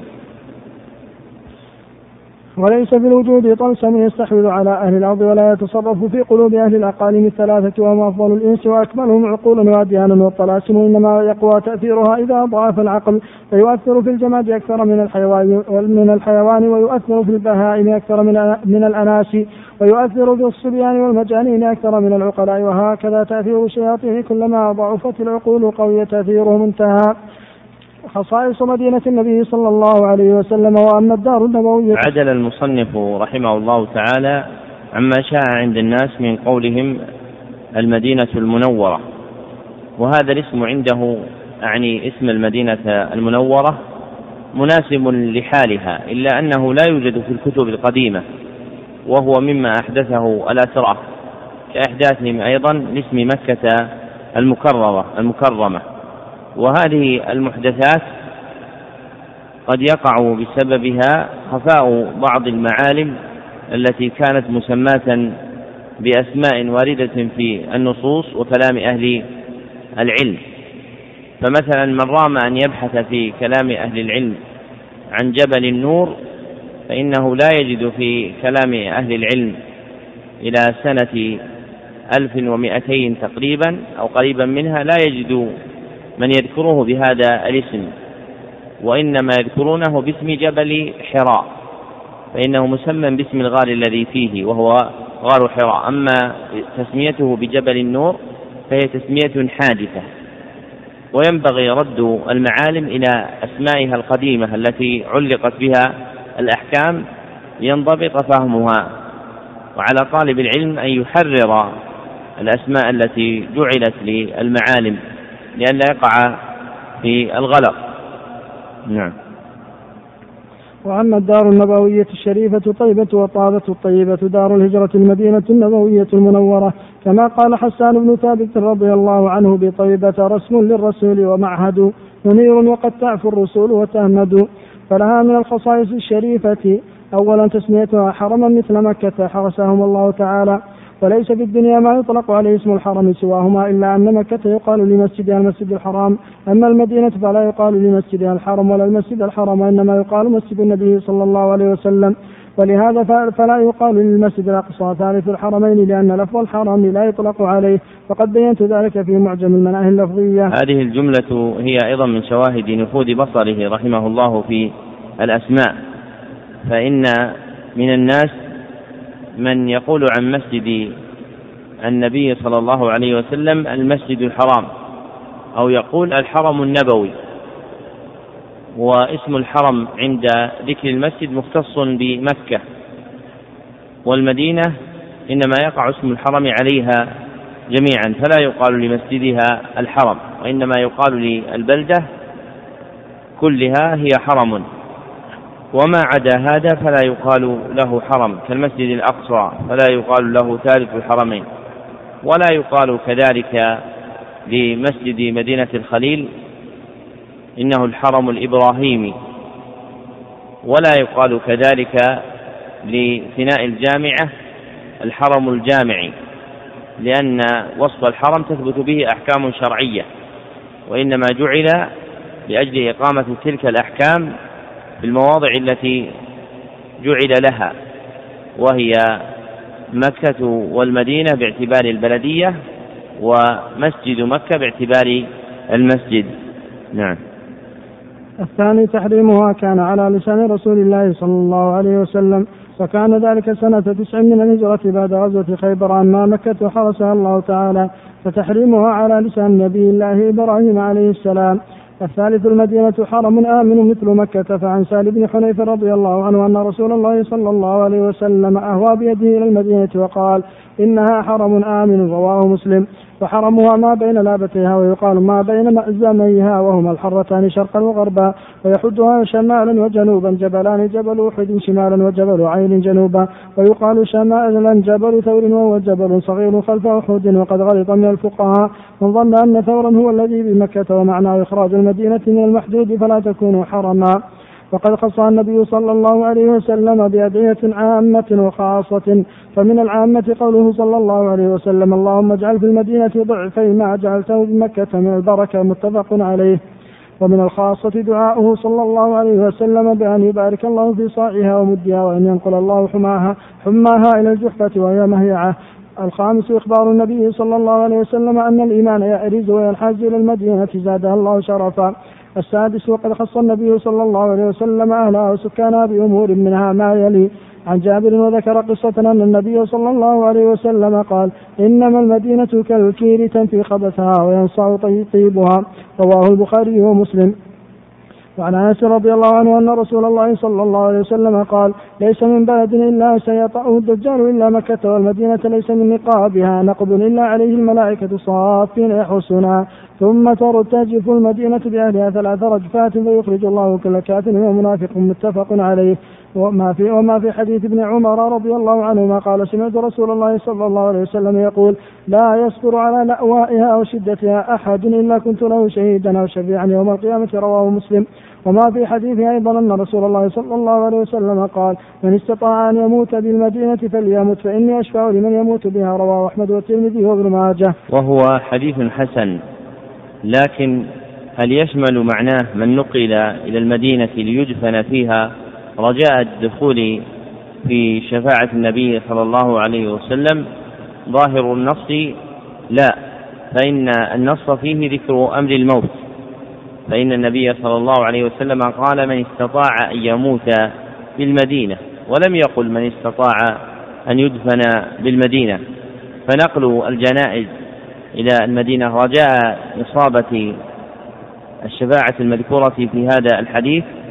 لا يظهر اندراجه فيه وإنما يختص بمن مات في المدينة. وفي هذا الحديث الترغيب في سكن المدينة لأن من سكن المدينة فقضي عليه الموت كان موته فيها فتحقق له هذا الوعد المذكور فيها. وعن أبي هريرة رضي الله عنه أن رسول الله صلى الله عليه وسلم قال من أراد أهل المدينة بسوء ذابه الله كما يذوب الملح في الماء رواه مسلم وعن سعد بن أبي وقاص رضي الله عنه قال قال رسول الله صلى الله عليه وسلم المدينة خير لهم لو كانوا يعلمون لا يدعها أحد رغبة عنها إلا بدل الله فيها من هو خير منه رواه مسلم. لا يدخل ولا يدخلها الطاعون كما في حديث عند البخاري ومسلم وبحثه في بذل الماعون لابن حجر. والسابع ومدينة النبي صلى الله عليه وسلم لها أحكام فقهية خاصة بها. فلا ينفر صيدها ولا يقتل وجزاء الصيد وعقوبة فاعل ذلك سلبه. ولا يقلع منها شجرة وأبيح ذلك لرجل يعرف بعيرا ولا تلتقط لقطتها ولا يهراق فيها دم ولا يحمل فيها سلاح لقتال. ولا لا ولا تقتل حياتها إلا بعد إذانها ثلاثة أيام. الثامن خصائص لبعض ثمارها عن سعد بن أبي وقاص رضي الله عنه أن رسول الله صلى الله عليه وسلم قال من أكل سبع تمرات مما بين لابتيها حين يصبح لم يضره سم حتى يمسي رواه مسلم. وفي رواية عنده وعند البخاري تقييده بالعجوة وفي رواية لمسلم في عجوة العالية شفاء وفي مسند أحمد وغيره العجوة من الجنة وهي الشفاء الحديث. الحديث برواية مسند أحمد ضعيف والثابت هو ما في الصحيح من عدها شفاء. وفي قوله صلى الله عليه وسلم مما بين لابتيها أي حرتيها قيد للتمر الذي يكون نافعا بدفع السموم وهو نخل المدينة الكائن الكائن بين الحرتين. فما خرج عن هذا مما وراء الحرتين لا يكون من جملة التمر الممدوح بهذا النعت. نعم. التاسع خصائص لبعض بقاعها وجبالها في الفضل والفضيلة. فضل المسجد النبوي الشريف وفضل الصلاة فيه. ويشترك مع مسجدي مكة والمقدس بمضاعفة أجر الصلاة ومشروعية شد الرحال على ما هو مشهور في السنة فضل الروضة من مسجده صلى الله عليه وسلم وأنها ما بين بيته ومنبره صلى الله عليه وسلم. ولم يأت في لفظ صحيح أنها ما بين قبره ومنبره وإنما كان ذلك بعد باعتبار ما كان من قبر النبي صلى الله عليه وسلم في بيته. فضل صلاة ركعتين في مسجد قباء وأن النبي صلى الله عليه وسلم كان يأتيه كل سبت ماشيا وراكبا. وادي العقيق وادي مبارك جبل أحد ثبت عن النبي صلى الله عليه وسلم قوله جبل أحد يحبنا ونحبه متفق عليه وفي في غيره من الأحاديث. العاشر ومنها تحريم الإحداث فيها وإيواء من أحدث حدثا وعقوبة من فعل ذلك بأن عليه لعنة الله والملائكة والناس أجمعين. كما في حديث الخليفة الراشد علي رضي الله عنه المشهور بحديث الصحيفة والله أعلم.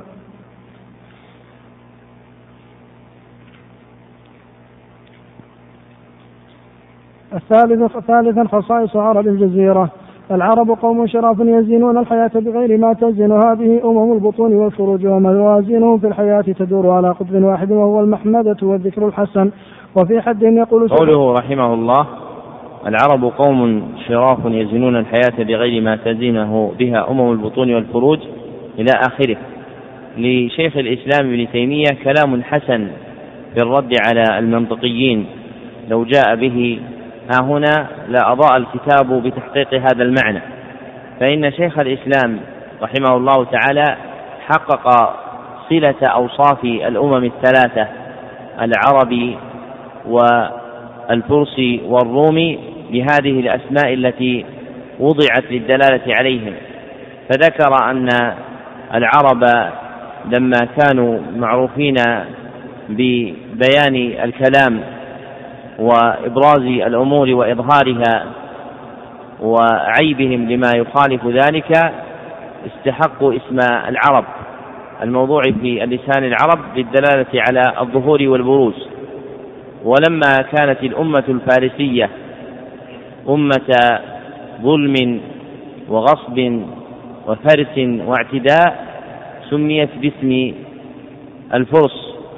ولما كانت الأمة الرومية أمة لا يتناهى رومها لملذات الدنيا من المآكل والمشارب والمناكح سميت بالروم. فالوضع العربي لكلمة العرب دال على هذا المعنى الذي ذكره المصنف في هذا الموضع وهو مصدق بما ذكرنا من كلام شيخ الإسلام ابن تيمية في الرد على المنطقيين.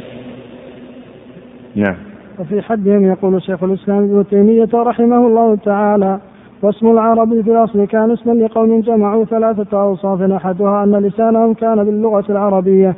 الثاني أنهم كانوا من أولاد العرب. الثالث أن مساكنهم كانت أرض العرب وهي جزيرة العرب التي هي من بحر القلزم إلى بحر البصرة.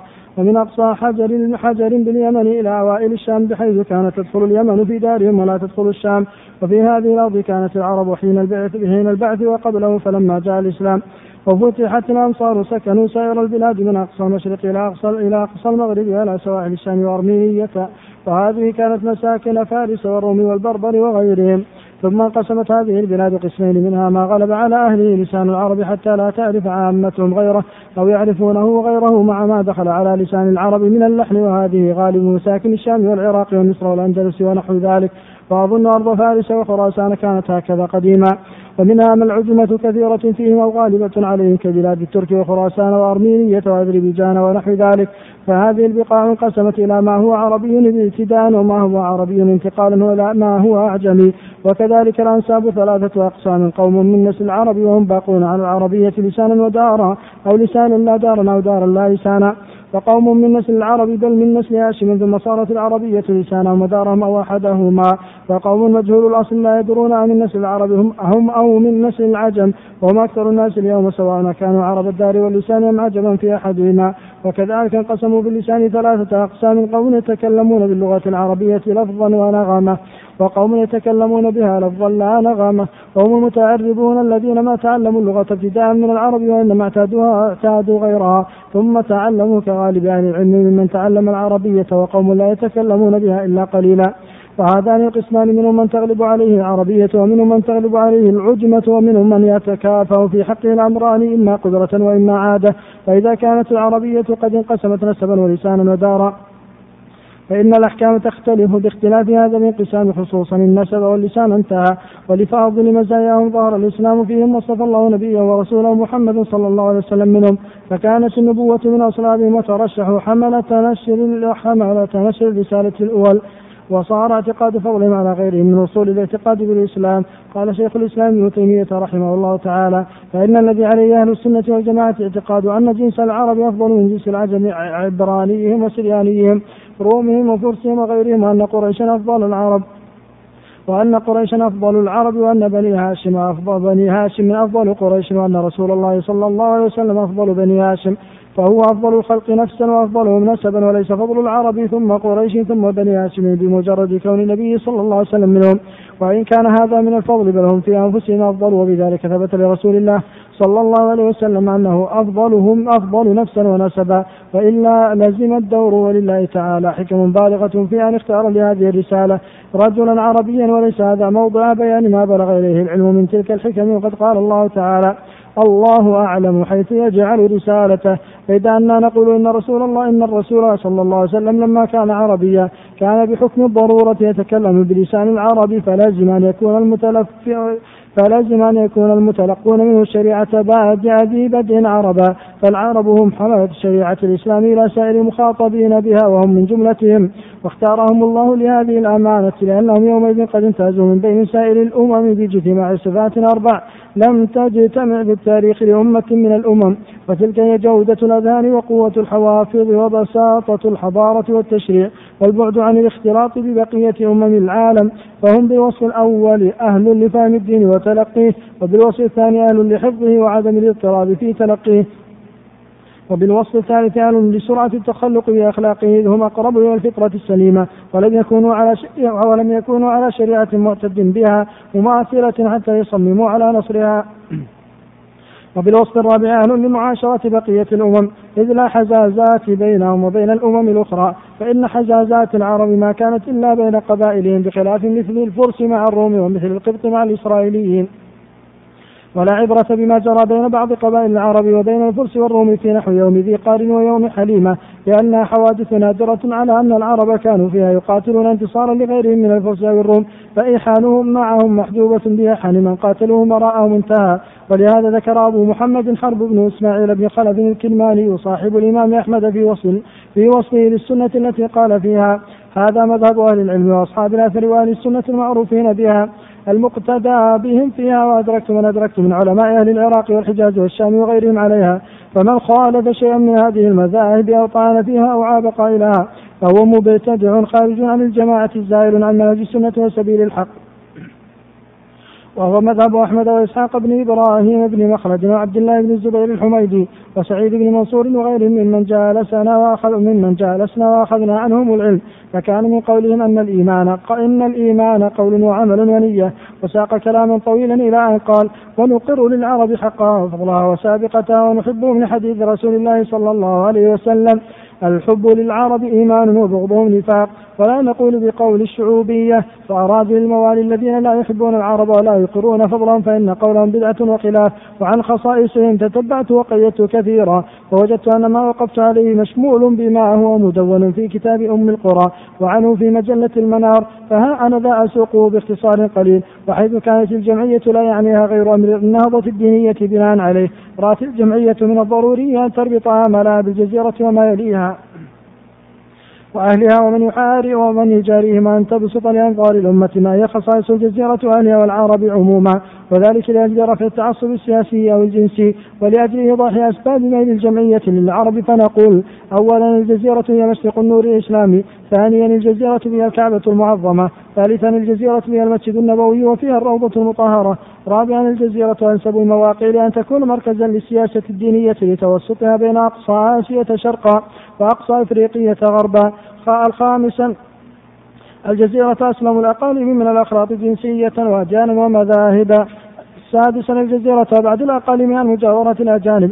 سابعا الجزيرة أفضل الأراضي لأن تكون ديار أحرار لبعدها عن الطامعين والمزاحمين نظرا لفقرها الطبيعي.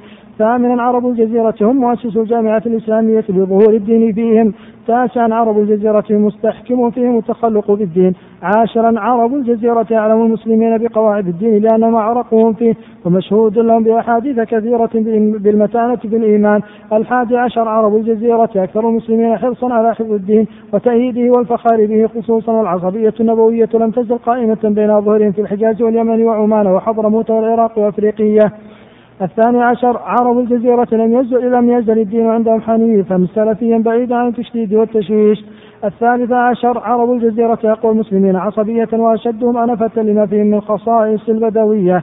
الرابع عشر عرب الجزيرة أمراؤهم جامعون بين شرف الآباء والأمهات والزوجات فلم تختل عزتهم. الخامس عشر عرب الجزيرة أقدم الأمم مدنية مهذبة بدليل ليس لغتهم وسمو حكمتهم وأدبياتهم. السادس عشر عرب الجزيرة أقدر المسلمين على تحمل قشب المعيشة في سبيل مقاصدهم وأنشطهم على التغرب والسياحات وذلك لبعدهم عن الترف المذل أهله السابعة عشر عرب الجزيرة يحفظ الأقوام على جنسيتهم وعاداتهم فهم يخالطون ولا يختلطون. الثامنة عشر عرب الجزيرة يحرص الأمم الإسلامية على الحرية والاستقلال وإباء الضيم. التاسعة عشر العرب عموما لغتهم أغنى لغات المسلمين في المعارف ومصونة بالقرآن الكريم من أن تموت. العشرون العرب لغتهم هي اللغة العمومية بين كافة المسلمين البالغ عددهم. ثلاثمائة مليون. الحادي والعشرون. العرب لغتهم هي اللغة الخصوصية لمائة مليون. من المسلمين من المسلمين وغير المسلمين. الثاني والعشرون. العرب أقدم الأمم اتباعا لوصول تساوي الحقوق وتقارب المراتب في الحياة الاجتماعية. الثالث والعشرون. العرب أعرق الأمم في وصول الشورى في الشؤون العمومية. الرابع والعشرون. العرب أهدى الأمم لوصول المعيشة. الخامس والعشرون. العرب من أحرص الأمم على احترام العهود عزة واحترام الذمة إنسانية واحترام الجوار شهامة وبذل المعروف مروءة. السادس والعشرون. العرب أنسب الأقوام لأن يكونوا مرجعا في الدين وقدوة للمسلمين حيث كان بقية الأقوام قد اتبعوا هديهم ابتداء فلا ينفون عن اتباعهم أخيرا. والجمعية تسأل الله تعالى أن يوفق ملوك المسلمين وأمراءهم للتصلب في الدين وللحزم والعزم. عساهم يحفظون عزهم وسلطانهم إلى أن يرث الله الأرض ومن عليها وأن يحميهم من التعصب السيء للسياسات والجنسيات ومن الكبر والعنفة ومن التخاذل والانقسام ومن ومن الانقياد إلى وساوس الأجانب الأضداد. وإلا فينتابهم الخطر القريب المحدق بهم وتتخاطفهم النسور المحلقة في سمائهم. والله الموفق وإليه ترجع الأمور. انتهى باختصار يسير. رابعا خصائص قوم النبي صلى الله عليه وسلم وعترته وعن مزايا قوم النبي صلى الله عليه وسلم وعترته واستعدادهم للنهوض بدعوته كتب كثير من العلماء وبخاصة الذين ألفوا في أحوال العرب.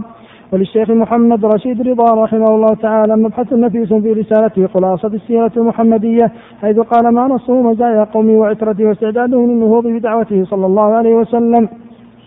إن الله اصطفى آدم ونوحا وآل إبراهيم وآل عمران على العالمين إذ جعل فيهم النبوة والهداية للمتقدمين والمتأخرين. ثم إن الله تعالى اصطفى كنانة من ولد إسماعيل واصطفى قريشا من كنانة واصطفى من قريش بني هاشم واصطفى سيد ولد سيد ولد آدم من بني هاشم. فكان أهل إسماعيل أفضل الأولين والآخرين كما كان بنو إسحاق أفضل المتوسطين إذ كانت هداية الأنبياء من بني إسحاق وغيرهم خاصة وهداية هذا النبي من أهل إسماعيل عامة. فبه أكمل الله تعالى الدين وأتم نعمته على العالمين كما اقتضته سنته تعالى في النشوء والارتقاء التي كانت في البشر أظهر منها في سائر الأحياء. كيف كان اصطفاء الله تعالى لهذه الوصول من الأمة العربية الذي ثبت في صحيح مسلم وسنن الترمذي من كتب السنة السنية. وبماذا امتاز قوم خاتم الرسل الكرام ففضلوا به غيرهم من الأقوام حتى استعدوا بها به لهذا الإصلاح الروحي المدني العام الذي اشتمل عليه دين الإسلام. على ما طرأ عليهم من الأمية وعبادة الأصنام وما أحدثت فيهم غلبة البداوة من التفرق والانقسام والعدوان والخصام. الجواب كانت العرب ممتازة باستقلال الفكر وسعة الحرية الشخصية أيام كانت الأمم ترسم في عبودية الرياستين الدينية والدنيوية محظورا عليها أن تفهم غير ما يلقنها الكهنة ورجال الدين من الأحكام الدينية.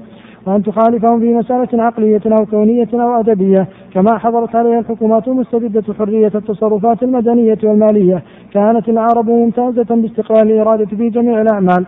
أيام كانت الأمم مذللة مسخرة للملوك والنبلاء المالكين للرقاب والأموال يستخدمونها كما يستخدمون البهائم ويصرفونها كما يصرفون السوائم.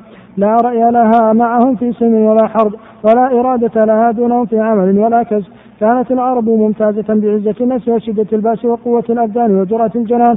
أيام كانت الأمم مؤلفة من رؤساء أفسدهم الإسراف في الترف ومرؤوسين أضعفهم البؤس والشظف وسادة أبطرهم بغي الاستبداد ومسعودين أذلهم قالوا الاستعباد. كانت العرب ممتازة بالذكاء واللودعية وكثير من الفضائل الموروثة والكسبية كقرى الضيوف وإغاثة الملهوف والنجدة والإباء وعلو الهمة والسخاء والرحمة والإيثار وحماية اللاجئ وحرمة الجار. أيام كانت الأمم مرهقة بالأثرة والأنانية وثقل الضرائب والأتاوي الأميرية ورؤساؤها منغمسين في الشهوات البهيمية وفساد الأخلاق. قد عم الراعي والرعية كانت العرب قد بلغت أوج الكمال في فصاحة اللسان وبلاغة المقال وكادت تتحد لغات قبائلها أو لهجاتها العربية وبزت المضارية من الحميرية بما كان بما كان لقريش وغيرها من من الرحلات التجارية والأسواق الأدبية. فتلك كبريات مزايا الأمة العربية. التي أعدها الله تعالى بها للبعثة المحمدية والسيادة الدينية والمدنية بعد أن طال العهد على مدنيتهم العادية واستعمارهم للبلاد الكلدانية والبابلية والبلاد الفينيقية والمصرية التي تشهد لها سيادة لغتهم للغات السامية وبقاياها في اللغة الهيروغليفية وبعد أن غلبت عليهم الأمية وفشت فيهم خرافات الوثنية وعصبية الجاهلية. وجملة مزاياهم أنهم كانوا أسلم فطرة على كون يوم من حضارة كانت أرقى منهم في كل فن وصناعة. والإصلاح الإسلامي مبني على تقديم إصلاح الأنفس باستقلال العقل والإرادة وتهذيب الأخلاق وحرية الوجدان على إصلاحها في الأرض من معدن ونبات وحيوان. وبهذا كان الله تعالى يعد هذه الأمة للإصلاح العظيم الذي جاء به محمد عليه من الله أفضل الصلاة والتسليم. اصطفاء كنانة وقريش وبني هاشم. أما اصطفاء الله لكنانة شيخ الجليل من سلالة نبيه الذبيح إسماعيل فيفسر ما كانت تحفظه العرب من أخبار كرمه ونبله حتى نقل الحافظ في شرح البخاري أنهم كانوا يحجون إليه لعلمه وفضله وكان على سنة جده إبراهيم الخليل. لا يأكل وحده مما يؤثر عنه من الحكم الجليلة كما روي في السيرة الحلبية رب صورة تخالف المخبرة. قد غرت في جمالها واختبر قبح فعالها. فاحذر الصور واطلب الخبر.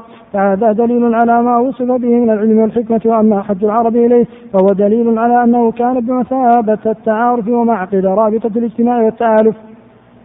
وأما اصطفاء الله تعالى لقريش الميامين الغر وهم ذرية ثير بن مالك وقيل جده النضر فقد كان بما آتاهم من المناقب العظام ولا سيما بعد سكنى مكة وخدمة المسجد الحرام إذ كانوا أصرح ولد إسماعيل أنسابا وأشرفهم أحسابا وأعلاهم آدابا وأصحهم ألسنة وهم الممهدون لجمع الكلمة وقد نقل أهل السير أن مالك بن النضر كان ملك العرب وأن كعب بن لؤي كان يجمع قومه ويعظهم يوم الجمعة وكانوا يسمونه يوم العروبة وأنهم كانوا يجلونه في حياته. ثم أرخوا موته بعد وفاته وأن قصيا جمع شمل قبائل قريش بمكة إذ كان هو الوارث لمن كانوا يتولونها من خزاعة وقد تملك عليهم فملكوه إلا أنه قد أقر بالعرب ما كانوا عليه وذلك أنه كان يراه دينا في نفسه لا ينبغي له تغييره ولا لغيره من بعده.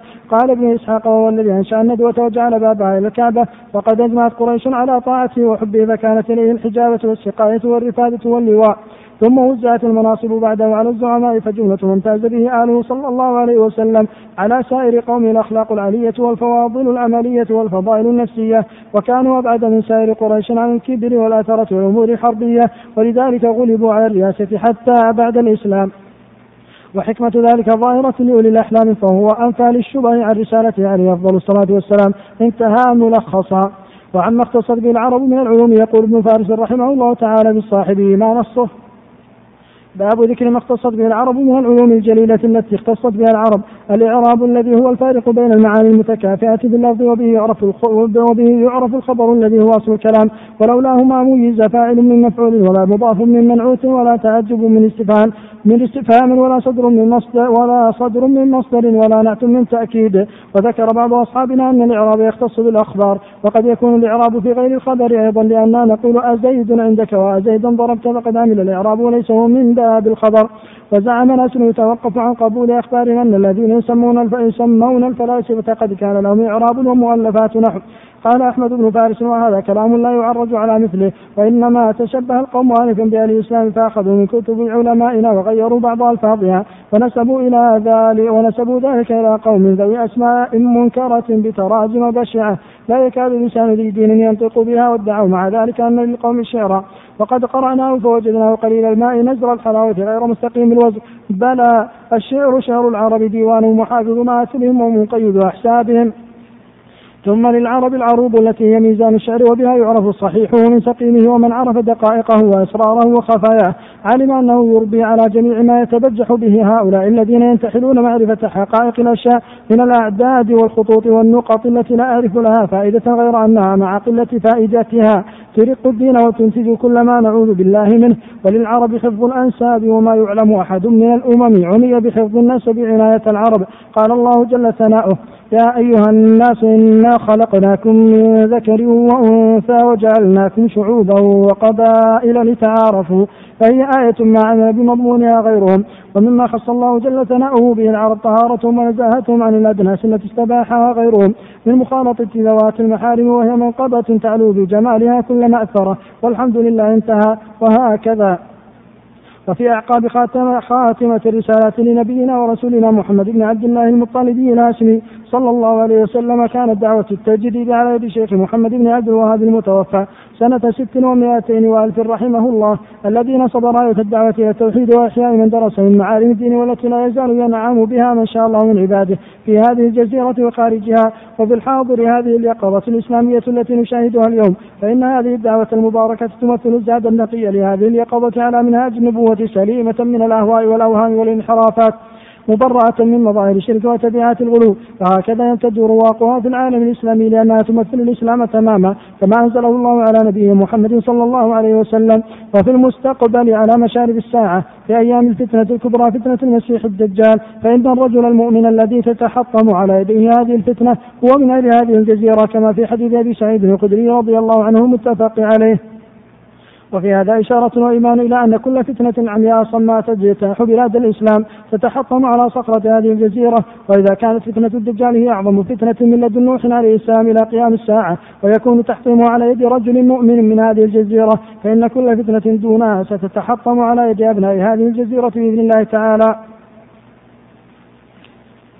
الفصل الخامس الضمانات لحماية هذه الخصائص كلما امتد رواق الإسلام على أرض فعدها دار إسلام ومهما تعددت الولايات العارضة فالجميع هو المملكة الإسلامية. وعد عاصمتها جزيرة العرب لما لها من خصائص في الشرع تتميز بها ولا يشاركها فيها غيرها. وعد جميع المسلمين مهما تعددت ديارهم وولاياتهم يكونون الجامعة الإسلامية.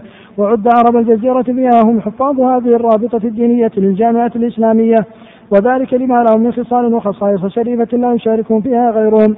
وإذا كانت مدارج الشرف في الإسلام هي الإسلام التقوى الإسلام والتقوى والعلم والنسب وكان أشرف الأنساب هو نسب العرب وكان العرب هم مادة الإسلام. فعد عرب الجزيرة هم صلب العرب وهم مادة المسلمين. بعد أن صفاهم الله تعالى من نتن الجاهلية وغليان العصبية القبلية ودعاوى الجاهلية فشرفهم بالإسلام وحطم قيود الوثنية والنعرات القومية والسبل البعثية. فلا وطنية ولا قومية لكنها الرابطة الإيمانية والأخوة الإسلامية وخاطبهم وغيرهم ومن يبتغي غير الإسلام دينا فلن يقبل منه وحفظ لهم ميزاتهم وسر اختيارهم حملة الرسالة الأولين. وإذا إذا كان الحال كذلك فإن دار الإسلام أيا كانت وإن المسلمين أيا كانوا وفي الطليعة هذه الجزيرة وعربها الكل رأس مال تجب المحافظة عليه عن التوى والضياع والفرقة والانقسام وتجب تربيته وتنميته واستصلاح أحواله وهذا أولى من مجاهدة الكفار لإدخالهم في الإسلام لأن استصلاح أحوال المسلمين وحفظ بيضتهم من باب المحافظة على رأس المال ومجاهدة الكافرين من باب طلب الربح وهل يطلب الربح من يفتقد رأس وهل يطلب الربح من يفتقد رأس ماله؟ وهل يوصل إلى مجاهدة الكافرين والنصرة عليهم إلا بالمسلمين الذين يمثلون الطراز الأول السائر على منهج النبوة؟ وإذا كان الأمر كذلك فإن هذه الجزيرة من المنطقة الإسلامية هي معقل الإسلام والمسلمين وعاصمته الخالدة وقلب العالم الإسلامي كمركز القلب في الجسم الإنساني ورأس مال المسلمين. والخط الأخير في الدفاع عن الوجود الإسلامي وهذه الجزيرة في العالم الإسلامي بمثابة مركز القلب في الجسم الإنساني الذي إذا عاش وقوي وأدى رسالته في الجهاز الجسمي والنظام الحيوي الصحي. عاش جسمه وقوي وإذا دب الوهن إلى هذا القلب أو اعتل وتخلى عن وظيفته ودوره أسرع إليه الموت واستولت عليه أمراض العلل وعجز الأطباء الحاذقون عن إعادة الحياة إليه بالطرق الصناعية فقد أشار إلى هذه الصلة الدقيقة العميقة بين القلب والجسد الحديث الصحيح المشهور الذي جاء فيه ألا إذا في الجسد مضغة إذا صلحت صلح الجسد كله وإذا فسدت فسد الجسد كله ألا وهي القلب. وذلك لأن الحجاز مهبط الوحي ومبعث الإسلام ومصدر الدعوة الإسلامية ومركز الإسلام الدائم وعاصمته الخالدة وهو البلد المثالي والمقياس الصحيح الدائم للحياة الإسلامية وتعاليم الإسلام العالمية وصلاحيتها للبقاء والتطبيق وظهور المجتمع الإسلامي في حيويته وصالته وجماله وقوته. فالرسالة الإسلامية مهما كانت عالمية آفاقية لا بد لها من مركز يعد مقياسا وميزانا لعمليتها وواقعيتها وأسوة وقدوة لجميع المدن والقرى والمجتمعات التي تؤمن بهذه الرسالة وتحتضن هذه العقيدة والدعوة. والإنسان مفطور على البحث عن المقياس الصحيح والبلد المثالي والموئل الذي يأوي إليه والمصدر الذي يستمد منه القوة والثقة والحماسة والاندفاع سواء في الأديان والشرائع والنظم والفلسفات والحضارات والمدنيات والآداب والعادات واللغات واللهجات والأناقة والثقافة وسلامة الذوق ورقة الشعور. فكان لكل دين مركز يحتج بعمله وأعرافه وكان لكل حضارة بلد مثالي أو عاصمة أو قاعدة يستدل بأساليب الحياة فيها والأنماط المدنية والمثل الاجتماعية في نواحيها. ولكل لغة وأدب مركز يستند إليه في معرفة الصحيح الفصيح. من التعبير والبيان ومناهج اللغة والكلام والحكم على المفردات واللغات بالصحة والخطأ ولكل عصر إقليم وبلد مثالي يتظرف الناس ويتنبلون بتقليد عاداته وتقاليده واتخاذ مثله وقيمه أمثلة كاملة للحياة الراقية والأخلاق الفاضلة. وقد عقد الله بين العرب والإسلام ثم بين الحجاز والأمة الإسلامية ثم بين الحرمين الشريفين وقلوب المسلمين للأبد وربط مصير أحدهما بالآخر. وقد حرص حرص رسول الله صلى الله عليه وسلم وكان في ذلك نبيا ملهما وحكيما كل الحكمة على بقاء هذا الرباط الوثيق المقدس بين جزيرة العرب والإسلام. فضلا عن الحجاز والحرمين الشريفين وحارص على سلامة هذا المركز وهدوئه. وشدة تمسكي بهذا الدين وعضه عليه بالنواجذ لأن العاصمة يجب أن تكون بعيدة عن كل تشويش وعن كل فوضى وعن كل وعن كل صراع عقائدي أو مبدئي. فشرع لذلك أحكاما بعيدة النتائج واسعة المدى. وأوصى لذلك وصايا دقيقة حكيمة وأخذ لذلك من أصحابه وأمته عهودا ومواثيق. وقد ذكرت عائشة أم المؤمنين رضي الله عنها قالت كان آخر ما عيد رسول الله صلى الله عليه وسلم. قال لا يترك بجزيرة العرب دينان وعن رافع أن النبي صلى الله عليه وسلم أمر أن لا ندع في المدينة دينا غير الإسلام إلا أخرج. وعن جابر بن عبد الله رضي الله عنه قال أخبرني عمر بن الخطاب رضي الله عنه أنه سمع رسول الله صلى الله عليه وسلم يقول لأخرجن اليهود والنصارى من جزيرة العرب حتى لا أدع فيها إلا مسلما وأخذ بذلك الخلفاء الراشدون المهديون فكانوا ينظرون دائما إلى جزيرة العرب كمعقل للإسلام ورأس مال الدعوة الإسلامية انتهى. لذلك فإن المتعين على أهل هذه الجزيرة وعلى من بسط الله يده عليهم وعليها المحافظة على هذه الميزات والخصائص الشرعية ليظهر تميزها وتبقى الجزيرة وأهلها مصدر الإشعاع لنور الإسلام على العالم وليعلم أنه كلما قوي هذا النور امتد هذا الإشعاع وكلما ضعف وتضاءل في هذه الجزيرة وأهلها تقاصر فلا حول ولا قوة إلا بالله. ثم اعلم أن هذه الضمانات منها ما هو عام لأهل الإسلام مهما كانت ديارهم ومهما تعدد جنسهم لكنها تتأكد في حق أهل هذه الجزيرة ومنها ما هو خاص بها لموجب النص ثم منها ما هو متيسر إعماله ومنها ما فيه نوع عسر ومشقة لاختلال الأحوال لكن نذكره معذرة أمام الله وأمام التاريخ والأجيال المتعاقبة والله المستعان. وإليك بيان بعض منها. أولا كما تكون المحافظة على الحدود المكانية لأي إقليم ولا أي فإن المحافظة على الحدود الشرعية والخصائص المرعية وصيانتها لهذه الجزيرة واجبة كذلك على من بسط الله يده عليها وعليه فإن النتيجة من المحافظة على الحدود الإقليمية الولائية معاقبة من ينتهكها فكذلك من باب أولى تجب معاقبة من ينال من حدودها وخصائصها وحرماتها الشرعية بما يلاقي انتهاكه شرعا. ثانيا سلطان الحاكمية بها لا يجوز أن يكون لغير دولة التوحيد وراية التوحيد.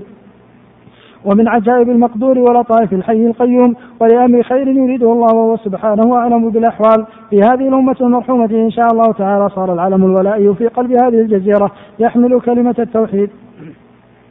وهكذا كان اللواء الأبيض للنبي صلى الله عليه وسلم مكتوبا عليه لا إله إلا الله محمد رسول الله. رواه أحمد والترمذي من حديث ابن عباس رضي الله عنهما. ولهذا فإن الأعلام إن نقصت ابتداء لموت العظماء فإن هذا هو العلم الوحيد الذي يكون تنكيسه من أشد مواطن الإثم والجناح. وبالجملة فلا تساس الأمة بغير شرع الله الإسلام كما قال حسان رضي الله كما قال حسان رضي الله عنه. وما الدين إلا أن تقام شرائع وتؤمن سبل بيننا وهضاب. واعلم أن أي شقاء في الأمة أو فساد هو بسبب ما يصب على الأمة من تحلل وانحلال في إقامة الدين بين العباد. ثالثا اتخاذ الحياة الإسلامية الحياة التي يرضاها الله وينصر عليها والحرص على إزالة جميع المنكرات. وأسباب السخط ودواء الخذلان والفشل في المجال الإداري والأخلاق الاجتماعية والفردية. وتتبعها تتبعا دقيقا. والحد من الثراء الفاحش وتكدسه في عدد محدود وطبقة معينة وتقييد تجارة وحركة الاستيراد الحرة على حساب أخلاق الشعب وفي مصلحة عدد محدود جدا وطبقة معينة فإن كل ذلك مما يمهد الأرض ويفتح الطريق للشيوعية المتطرفة والاشتراكية المقنعة والحيلولة بقدر الإمكان. وإلى أقصى الحدود فإن ذلك مما يجحر بالشعب ويجني على الأخلاق ويجعل الحسبة والأمر بالمعروف والنهي عن المنكر شبه مستحيل. وقد نبه نابغة العرب وفيلسوف المؤرخين العلامة ابن وفيلسوف المؤرخين العلامة ابن خلدون على ضرره وسوء أثره في الحياة انتهى ملخصا. رابعا إخضاع كل رابعا إخضاع كل ما يجري ويصر على أرض هذه الجزيرة من أنظمة وأوامر وتعليمات وقوانين لمقاصد الإسلام وللمقاصد التي بنيت لها هذه الكعبة المشرفة واختيرت لها هذه الأرض هذه الأرض لتكون مركزا للإسلام ومصدر إشعاع عالميا وللحكمة التي نبه عليها القرآن بقوله ومن يرد فيه بإلحاد بظلم نذقه من عذاب أليم. خامسا إزالة التناقض بين إسلامية هذه الديار القائمة منذ فجر الرسالة وإلى يومنا هذا وبين كل ما ينافسها في مجال الإعلام والتربية والمظاهر الاجتماعية واتجاهات الشعب من اندفاع مشهور إلى التربية والتسلية والأغاني والملاهي والقصص المثيرة والبرامج المستوردة الرقيعة التي أفلت معها الزمام من, من يد المربين والآباء والأساتذة والعلماء والتي لا يحتفظ معها أي شعب بالبقية الباقية من الشعور الديني والحصائل الخلقية. ولا يستعد للطوارئ والمفاجآت ولا يتحمل أقل صدمة أو خطر من الخارج. سادسا يجب على من بسط الله يده على أي من هذه الجزيرة منع سكن المشركين وإيوائهم وتطهيرها منهم فضلا عن يكون لهم فيها أي كيان أو تملك شائعا مستقلا. وإن وجد من له تملك فيها وجب على ولي الأمر بيعه لمسلم ولا يجوز إقراره عليه كما لو اشترى كافر مملوكا مسلما. فإنه لا يجوز تملكه له ويجب تخليصه من ملكه. ولن يجعل الله للكافرين على المؤمنين سبيلا فكذلك لا يجوز إقرار أرض من جزيرة العرب في ملك كافر. وعليه فإن وجود أي نظام يقضي بتملك الكافر في هذه الجزيرة يعد من نواقض هذا الواجب فيجب إلغاء ما ينقضه. أما وجود لبنة على لبنة لمعبد لمعبد كافر كنيسة أو صومعة أو بيت نار وهكذا.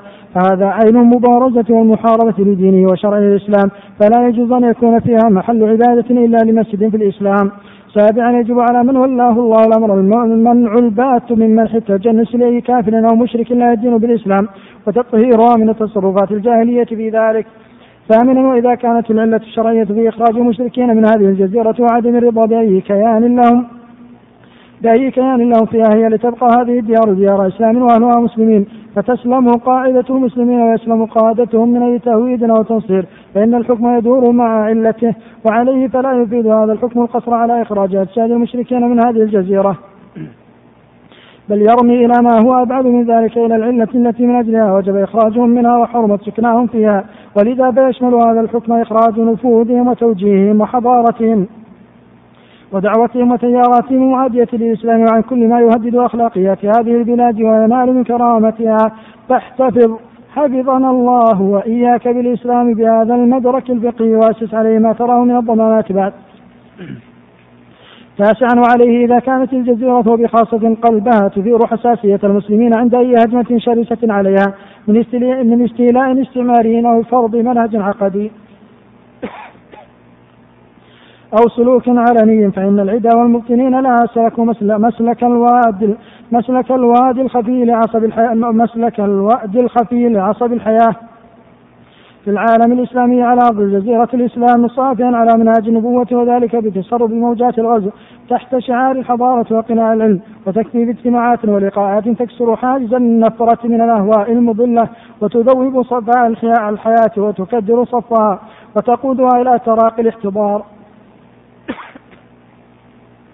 وعليه فيجب أن يحسب لهذا كل حساب فليرفض كل سابنة تؤدي إلى هذا المضمار. ومن ألعن هذه المسالك ما يعود به عدد من المبتعثين من شباب هذه الأمة إلى ديار الكفر إذ يعودون وهم يحملون تحللا عقديا رهيبا منضوين تحت لواء حزبهم النارق وفي لحظات يمسكون بأعمال قيادية عن طريقها ينفذون مخططاتهم ويدعو بعضهم بعضا فيتداعون على صالح الأمة وعلى صالح أعمالها. وهذا بردان استشرى في هذه الجزيرة فهل من متيقظ وهل من مستبصر. أما فتح المدارس العالمية الأجنبية في الاستعمارية فهي صعقة وضبية يتناثر الصبر دونها فحرام فتحها وحرام دخول أولاد المسلمين فيها. وقد أفردت بشأنها كتابا والحمد لله رب العالمين. عاشرا وعليه فتجن فتجب ملاحقة البدع ومحاصرتها في أمر كلي أو جزئي وإن دق وتنظيف الجزيرة منها. فإنه متى اغتدت القلوب بالبدع لم يوق فيها فضل للسنن فتكون بمنزلة من ابتدى بالطعام الخبيث. وإن وجد من يحمل حدثا وبدعة في الإسلام فستصل فستصلح حاله وإلا فيطرد منها فتصلح فتصلح فتستصلح حاله وإلا فيطرد من هذه الجزيرة وينفى عنها لأن الله إذا حرم شيئا حرم الأسباب الموصلة إليه. فقد حرم الشرع استيطان الكفار لهذه الجزيرة والاهواء المضلة سابقة الخروج من الملة والبدع بريد الكفر والمبتدعة خفراؤه.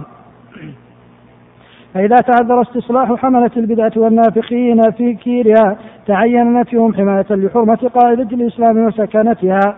الحادي عشر جزيرة العرب هي بارقة الأمل للمسلمين في نشر عقيدة التوحيد لأنها موئل جماعة المسلمين الأول وهي السور وهي السور الحافظ حول الحرمين الشريفين فينبغي أن تكون كذلك أبدا فلا يسمح فيها بحال بقيام أي نشاط عقدي أو دعوي مهما كان تحت مظلة الإسلام مخالفا منهاج النبوة الذي قامت فيه جماعة المسلمين الأولى. صحابة رسول الله صلى الله عليه وسلم وجدده وأعلى مناره الشيخ محمد بن عبد الوهاب رحمه الله تعالى. فالجماعة واحدة جماعة المسلمين تحت عالم التوحيد على طريق النبوة. لا تتوازعهم الفرق والأهواء ولا الجماعات ولا الأحزاب. وإن قبول أي دعوة تحت مظلة الإسلام تخالف ذلك هي وسيلة إجهاز على دعوة التوحيد وتفتيت لجماعة المسلمين وإسقاط لامتياز الدعوة وسقوط لجماعتها وكسر لحاجز النفرة من البدع من البدع والمبتدعين والفسق والفاسقين والجماعات إن استشرى تعددها في الجزيرة فهو خطر دائم يهدد واقعها ويهدم مستقبلها ويسلم بيدها ملف الاستمرار لها وبه تكون وبه تكون وبه تكون وبه تكون به تكون مجمع صراع فكري وعقدي وسلوكي. ينشأ عن ذلك إسلام إقليمي فينشأ إسلام إيراني وإسلام تركي وإسلام هندي وإسلام أفغاني وإسلام أوروبي وإسلام أمريكي. ويظهر في جانب من جوانب العالم الإسلامي الواسع تحريف ديني أو مسخ للإسلام أو تنجح أو تنجح أو تنجح مؤامرة يحوك رجل ذكي من أعداء الإسلام. فلا تمكن مقاومتها والتغلب عليها. وكان ذلك من حكم مشروعية الحج وأسراره لأنه استعراض عالمي للأمم الإسلامية وطبقات الأمة المسلمة على صعيد واحد ووقت واحد في رحاب بيت الحرام الذي جعله الله الذي جعله الله ملتقى المسلمين وقياما للناس. ولما كانت الجزيرة والحجاز معقل الإسلام ومبدأه ومنتهى والموء إلى الذي يهوي الإسلام والمسلمون في ساعات عصيب عصبية وأزمات مختلفة. وفي آخر الزمان فقد جاء في بعض الأحاديث ما يدل على ذلك. فعن عمرو بن عوف قال قال رسول الله صلى الله عليه وسلم إن الدين لا يأرز إلى الحجاز كما تأرز الحية إلى جحرها ولا يعقلن ولا يعقلن الدين من الحجاز معقل الأروية من رؤوس الجبال. وعن عمر عن النبي صلى الله عليه وسلم قال إن الإسلام بدأ غريبا وسيعود غريب وسيعود كما بدأ وهو يأرز بين المسجدين كما تأرز الحية إلى جحرها. وعن أبي هريرة رضي الله عنه أن رسول الله صلى الله عليه وسلم قال إن الإيمان لا يرث إلى المدينة كما ترث الحية إلى جحرها ولما كانت هذه الجزيرة وهذه البقاع المقدسة مصدر الاشعاع العالمي الإسلامي ومقياس قوة الإسلام وسلطانه كان علماء المسلمين وقادتهم في كل زمن وبلد شديد الحساسية لما يقع فيها من حوادث ولما يجري فيها من تيارات دقيق الحساب لمدى تمسكها بالتعاليم والأداب الإسلامية ومحافظتها على الروح الدينية والعاطفة الإسلامية كبيري الغيرة عليها وعلى قيادتها للعالم الإسلامي. وقد تجلى ذلك في كتابات علماء الإسلام وأدبهم وشعرهم في أزمنة مختلفة وقد سار قول أشهر شعراء إيران وأدبائها الشيخ مصلح الدين سعد الشيرازي المتوفى سنة 91 و600 مسير المثل. إذا بدأ طلائع الفساد والانحرافات من فناء الكعبة ورحاب البيت الحرام فعلى الإسلام والمسلمين السلام. فقد فزع الشاعر الفارسي المسمى بأبي المجد مجدود الغزنوي المعروف بالحكيم السنائي المتوفى سنة 46 و500 لحوادث جرت في عصره ولتسرب نفوذ بعض بعض القوى المعادية الإسلامية جزيرة العرب وإلى البقاع المقدسة ومركز الإسلام فأشار إلى ذلك في قصيدة له وحسب له كل حساب وحذر العالم الإسلامي من سوء عاقبته وأثار غيرة أهل الحجاز وأبناء الجزيرة انتهى. فواجب والله تنظيف هذه الجزيرة من تلكم المناهج الفكرية المبتدعة والأهواء الضالة. وأن تبقى عنوانا صوت للكتاب والسنة والسير على هدي سلف الأمة حربا للبدع والأهواء المضلة. الثاني عشر عليه فيجب تعميق الرابطة الدينية ثم يجب جذب جذور العصبية لغير الكتاب والسنة. مهما ظهرت في أي مسلاخ فهي عصبيات جاهلية. ممتنة تثير الشغب وتشعل الفتن وتظلم المشاكل وتزرع اللحن فواجب محاصرتها وإطفاءها وتحطيم جمعها سواء كانت عصبية قبلية أم عصبية رياضية أو سواهما من تلكم من تلكم الموجات الكاسحة التي تبذل فيها جهود الشياطين حاملين جراثيم الهرج ركضا وراء السراب لنقلة شباب الأمة إلى آخر أشواط التخلف فيكونون هباء منثورا لا يقتلون صيدا ولا ينكون عدوا. إنها قوة ما إن تفور إلا وتغور فإنا لله وإنا إليه راجعون. الثالث عشر يجب تعميق الوحدة الأخلاقية في قالب الإسلام لا غير وواجب وقف مرحلة الإغارة على أخلاقيات هذه الجزيرة الإسلامية والانتقال منها إلى السلوكيات الغثائية الوافدة في مجالات الحياة كافة وتحت إرخاء العنان للترفه والمد الحضاري الغثائي الغربي والتهام اللذات والتسابق إلى عوامل الاسترخاء والتميع. والتفكير المترهل والنهم في جلب الكماليات والتسابق إلى مظاهر البذخ حتى في اللباس للذكور والإناث كلبس البنطال والقبعة الكبوس ويقال البرنيطة والألبسة الخالعة للنساء وغيرها فالله الله في لباسكم الإسلامي على الجزيرة ومثل المواقيت والمقاييس والموازين إلى آخر شهوة التشبه بأداء الله الكافرين وصدق النبي صلى الله عليه وسلم. لتتبعن سنن من كان قبلكم شبرا بشبر وذراعا بذراع حتى لو دخلوا جحر ضب لتبعتموهم وما هذا إلا لأن التشبه يفعل الأفاعيل فيفقد النفوس والبلاد حرمتها ومكانتها ويقطع سنتها عن الماضي ويشبه إلى حد بعيد المكروبات. فتلك تمرض القلوب وهذه تمرض الأبدان. وإذا كانت الشريعة تنهى عن هذا عموم المسلمين فإن النهي يتأكد في حق في حق أهل هذه الجزيرة. وواجب والله بجانب وقت هذا المد عنهم ترميم ما فسد في هذه العصابة الكريمة. وما داخلها من أخلاق وافدة غريبة عليها في دينها وعنصرها. ولا بد من دعوة جهيرة لصد هذه العوادم والوفادات المفسدة لأخلاقيات البلاد وكف الخطر المحيط بها وإنشاء لها خلقا آخر على سنة الفطرة يمزقون بهديهم وفعالهم تلك الحملات الغثائية وما ذلك على الله بعزيز. الرابع عشر التميز في عامة الهدي عمل من قدوة ودعوة على رسم الكتاب والسنة بلا مضاهاة ولا مشابهة ولا تغرب فإن الشريعة تنهى عن المضاهاة والتشبه بالمشركين والمنافقين وبالشياطين وبالأعاجم والمبتدعة وأهل الأهواء وبالنساء والمخنثين ونحو ذلك من وجوه الانحراف القاضية. القاضية على تميز الشخصية الإسلامية بأي نوع من أنواع الانحراف بما قد يكون كفرا وقد يكون فسقا وقد يكون سيئة وقد يكون خطأ وهذا الانحراف أمر تتقاضاه الطباع ويزينه الشيطان. فلذلك أمر العبد بدوام دعاء الله سبحانه بالهداية إلى الاستقامة التي لا يهودية فيها ولا نصرانية أصلا. وإن الشريعة تنهى عن التعرب بمعنى الرجوع إلى البادية بعد الهاجرة وبمعنى مشابهة الأعراب فيما يخالف هدي الإسلام. ولو بالألفاظ كلفظ العتمة. لا تغلبنكم الأعراب على اسم صلاتكم العتمة فإنما فإنما هي العشاء وبادية كل ديار بحسبها وتنهى نهيا بالغا عن ذينك المتضادين الحمراء من غير العرب ويقال أهل التسوية وهم الشعوبية مذهب أراضي الموالي والقومية العربية. مذهب, مذهب أراضي النصارى الذين قامت ثقافتهم على تمجيد القومية العربية ثم تسرب رشحها إلى أفئدة منحلة إلى أفئدة منحلة من المسلمين. إن الشريعة كما تزدحم نصوصها وقواعدها في رفض هذه العوامل المنحرفة. فإنها ترسم للمسلم هديا سويا يرفض التبعية والمحاكاة والانحراف ودعت إلى تعريب الأمة بما أقره الإسلام من فاضل أخلاق العرب وصفاتهم وسماتهم وذلك من طرق شتى. أولا تعريب لسان الأمة من رطانة الأعاجم إلى شعر الإسلام ولغة القرآن لسان العرب لأن الدين فيه أقوال وأعمال ففقه العربية والطريق إلى فقه أقواله وفقه السنة والطريق إلى فقه أعماله. الثاني تعريب أخلاقها وذلك بالمشابهة للسابقين من الصحابة رضي الله عنهم ومن تبعهم بإحسان. وفي هذا نظر إلى فقه السلف حيث فضلوا كثيرا من غير العرب على العرب لتعريب أخلاقهم ومشابهتها بأخلاق السلف الصالح. قال الأصمعي رحمه الله تعالى عجم أصبهان عجم أصبهان قريش العجم. ولما ساق شيخ الإسلام ابن تيمية رحمه الله تعالى أثار مهمة على هذا المنحى قال إن الأمة مجمعة على هذه مجمعة على هذه القاعدة. وهي فضل طريقة العرب السابقين وأن الفاضل من تبعهم. الثالث سارب اللباس الذي الذي هدى إليه الإسلام. قال شيخ الإسلام ابن تيمية رحمه الله تعالى وقال الفقهاء من أصحاب الإمام أحمد وغيرهم منهم القاضي أبو يعلى وابن عقيل والشيخ أبو محمد عبد القادر الجيلي وغيرهم في أصناف اللباس وأقسامه ومن اللباس المكروه ما خالف زي العزي العرب وأشبه زي العاجم عادتهم ولفظ عبد القادر ويكره كل ما خالف زي العرب وشابه زي العجم. وفي كتاب أمير المؤمنين عمر رضي الله عنه وعليكم بالمعدي بالمعدية. وذروا التنعم وزي العجم. عليكم بالمعدية وذروا التنعم وزي العجم.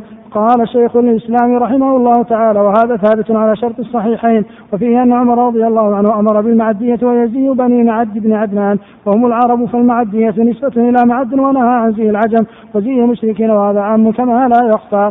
فالزموا لباسكم يا أهل الجزيرة وذروا عنكم ظاهر الإثم وباطنه وفي لباس في لباس الكفار في القبعة والبنطال.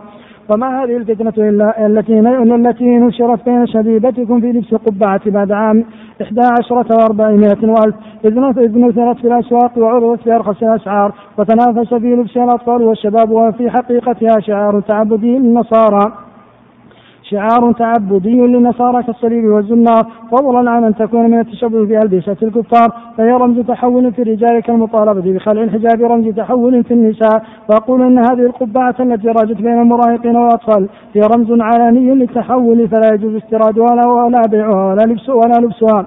ويجب منعها وواجب على ولي أمر الطفل والشاب منعه من لبسها. فاتقوا الله في موالدكم يا أهل الإسلام. وقد أفردت رسالة بشأنها لخطرها والله المستعان. الرابع التاريخ الهجري يلزم التاريخ الإسلامي التاريخ الهجري في جميع مواقيت عباداتكم ومعاملاتكم وشؤون حياتكم فهو شعار إسلامي ينادي على إسلامكم ولا ترضوا به بديلا ولا مساويا فإنه لمواقيتكم كشعار الأذان لصلاتكم.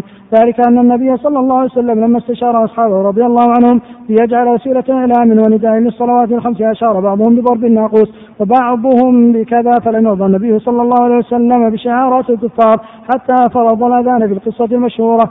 وكذلك الشأن بالتاريخ فإن الخليفة الراشد عمر بن الخطاب رضي الله عنه استشار في ذلك فأشار بعضهم بتاريخ النصارى وبعضهم بكذا فلم يرضى رضي الله عنه بشعارات الكفار حتى أشار علي بن أبي طالب رضي الله عنه. باتخاذ الهجرة بداية للتاريخ فسر بذلك رضي الله عنه. وأجمع عليه الصحابة رضي الله عنهم وجرى عليه عمل المسلمون. الخامس عشر وإذا كان الإسلام قد محل العصبية القبلية الممقوتة فإن المحافظة على سلاسل النسب مطلوبة والمحافظة على نقاء النطف وأنسابها لا تعني العصبية بحال. وعليه فينبغي سد منافذ التهجين لأول رائد للإسلام. العرق العربي لتبقى سلاسل النسب صافية من الدخل وملامح العرب سالمة من سحنة العلوج والعجم. صانها الله من تلكم الآذايا والبلايا واعتبار الكفاءة له آثار حسان في التربية وعزة الدار وقوام الأخلاق ومناهج الشرف. وأما التساؤل في ذلك فله دخل عظيم في انحلال الأخلاق لأن للترو... للتزوج بمجهولات الأصول أو الأخلاق أو بسافلات الطباع والعادات أو بغريبات جنسا مفاسد شتى لأن الرجل ينجر طوعا أو كرها لأخلاق زوجته. فإن كانت سافلة يتسفل لا محالة وإن كانت غريبة يتبغض في أهله وقومه. وجرته إلى موالاة قومها والتخلق بأخلاقهم حتى يكون أطوع من خلخالها. ولشاعر الحرم اللواء علي بن زين العابدين قصيدة معبرة بالتحذير من الزواج. هذا شاعر الحرم؟ هذا رحمه الله مات مجهولا. هذا أول ما عرفته عرفت له قصيدة أثنى فيها على شرح العلامة بن مانع على الواسطية. طبعها الشيخ بن مانع مع شرحه في آخر على الغلاف. قال وقد قال فلان وسماه أحد طلبة البعثة السعودية في مصر. وذكر قصيدة في مدح الواسطية وشرحها. ثم بقي هذا الرجل مجهولا حتى توفي قريبا ولم أعرف وجوده إلا لما وقفت على نعي له. وكذلك جهله غيري فهذا الرجل قصائده مندثرة. وتعرف عليه الشيخ بكر رحمة الله على الجميع بأخرة. وكتب إلى الشيخ بكر قصيدة في مدح كتاب التعالم نشرت في طبعة متأخرة من كتاب التعالم. وهو شاعر كبير. في قصائده التي نشرت من هذه القصيدة. نعم. ولشاعر الحرم اللواء علي بن زين العابدين قصيدة معبرة في الطائف هذا. توفي في الطائف كان مقر في الطائف. نعم. قصيدة معبرة بالتحذير من الزواج بالأجنبيات منها العيون الزرق لا تعجبني إنني أهوى العيون العسلية. يا فتاة الغرب لا تندفعي إنني أهوى فتاة العربية. دينها الإسلام قد هذبها وارتضاها عفة فضلا تقية. صاغها الله عفافا وتقى وانتقاها من خيار البشرية. حرة النفس منيعا حبها سمحة الأخلاق من رجس النقية. الوفاء المحب من شيمتها والحياء الحق سيماها الجلية. دقة في حشمة في طاعة تلك والله صفات قدسية. لم تكن قبلي لغيري متعة لا ولن تغدو لغيري في العشية. السادس عشر لا تكون جزيرة العرب سردابا للمولد وألسنة الأعجميين بما أن لسان أهل هذه الجزيرة هو لسان العرب وبه نزل القرآن فهو لغة الإسلام ومفتاح المكتبة الإسلامية. فإنه لا يجوز تهجين اللسان العربي ويجب تنشيط حركة التصحيح للسان العرب. وأن يكون أهلها في منع عنه جنة اللسان وأن تبقى عروبته كلمة باقية في أعقابهم. ينشرون في العالم تعريب اللسان ولا يمتد إليهم تغريب له بحال. واعتبر في الحال الحاضرة على الرغم من لوثة الأوجنة وهجنة العامية. فإنه لم يزل عندهم بقية صالحة في السليقة العربية. فإذا قرأوا النص من كتاب أو سنة فهموا المعنى المراد باطمئنان بعيدين عن رسوم التدقيقات والإشكالات التي تفسد المعنى فلا يشير إليها المبنى خلافا لغير من خاضوا هذه المحالة فتشتت منهم الأذهان. وعميت عليهم الأفهام والله المستعان. السابع عشر بأن الاسم عنوان مسمى وشعار يدعي به المرء في الآخرة والأولى والاسم كالثوب. إن قصر شان وإن طال شان ونحن مأسورون في قال بالشرع المطهر ومن أبرز سماته. أن لا يكون بالاسم تشبه باعداء الله ولا متابعة للفساق فعلى المسلمين عامة. وعلى أهل هذه الجزيرة بخاصة العناية في تسمية مواليدهم بما لا ينابذ الشرع. فإذا أتى إليها الوافد أو خرج من القاطن فلا يسمع الآخرون إلا عبد الله وعبد الرحمن ومحمد وأحمد وعائشة وفاطمة. وهكذا في الأسماء الشرعية بألوف مؤلفة زخرت بها كتب السير والتراجم. أما تلك الأسماء لأمم الكفر فاكتوريا سوزان. فليس لها عند أهل الإيمان نصيب ومثلها أسماء الفساق الأخرى التي ليس بهاء ليس لها بهاء ولا لياقة وهكذا في سلسلة يطول ذكرها. يقول على أهل هذه الجزيرة أن يتقوا الله وأن يلتزموا بأدب الإسلام وسنة النبي صلى الله عليه وسلم وأن لا يؤذوا السمع والبصر في تلكم الأسماء المتقابلة وإن التساهل في الأسماء كالتساهل في الأفعال كل منها منهما قبيح. وعلى جهة الأحوال المدنية وضع الضوابط الشرعية لذلك الثامن عشر هذه الجزيرة مضافة إلى أهلها العرب والاعتبار لهم بالإسلام فلتبقى للعرب والمسلمين نسبا ولسانا ودارا حتى لا تكون الإضافة سوى صورية فإنه لعالي مكانتهم تعقد الآمال بناصيتهم والذي ينبغي أن تأتي وفود الإسلام إلى معقله جزيرة العرب حجاجا أو عمارا أو عاملين فيرتوون من التوحيد الصافي من أي شائبة ليعودوا إلى أهلهم من المسلمين دعاة توحيد وبناة عقيدة التاسع عشر ويجب أن يكون دور حراس الشريعة في هذه الجزيرة من منجزات الحضارة من, من منجزات الحضارة الحديثة في الطب والهندسة والاقتصاد هو دور الأصالة والتجديد لا دور التبعية الماسخة والوأد الخفي بل والعلني لمقومات البلاد الأساسية الإسلام وخوض عجلة الحياة في الأوحال وعليه فبعث روح الاكتساب والعمل والجد والتحصيل والتخصص في هذه العلوم. من أهم المهمات لبناء الحياة في هذه الجزيرة على يد أبنائها فهم أسلموا لها وأصلحوا لحالها من الدخلاء عليها. العشرون حمل أهلها على الحماس الديني والأمر بالمعروف والنهي عن المنكر وتعميق التقوى والشوق إلى الترقي لحماية الشريعة. ومن الأولوي ومن الأوليات شكر هذه النعم ببسط لسان التذكير وقلم التدوين بما أفاء الله عليه وأنعم من هذه الخصائص وأن من شكرها وأن من شكرها المحافظة عليها وحفظها وإعمال الحياة في قالبها وعند أي تشويش عليها خدش لها ونقص لشكرها وأخيرا غياب لمزية القدوة. ومن لازم ذلك الإجهاز على أي عادة أعجمية أو عامل حضاري غثائي وأن يبقى حق الامتياز في هذه الجزيرة الإسلامية المحضة. يرفض كل تقليد دامس ولا يقبل يد أي لامس. والله الهادي إلى سواء السبيل. بكر بن عبد الله أبو زيد. وهذا آخر التقرير على هذا الكتاب. والحمد لله رب العالمين وصلى الله وسلم على عبده ورسوله محمد وآله وصحبه أجمعين.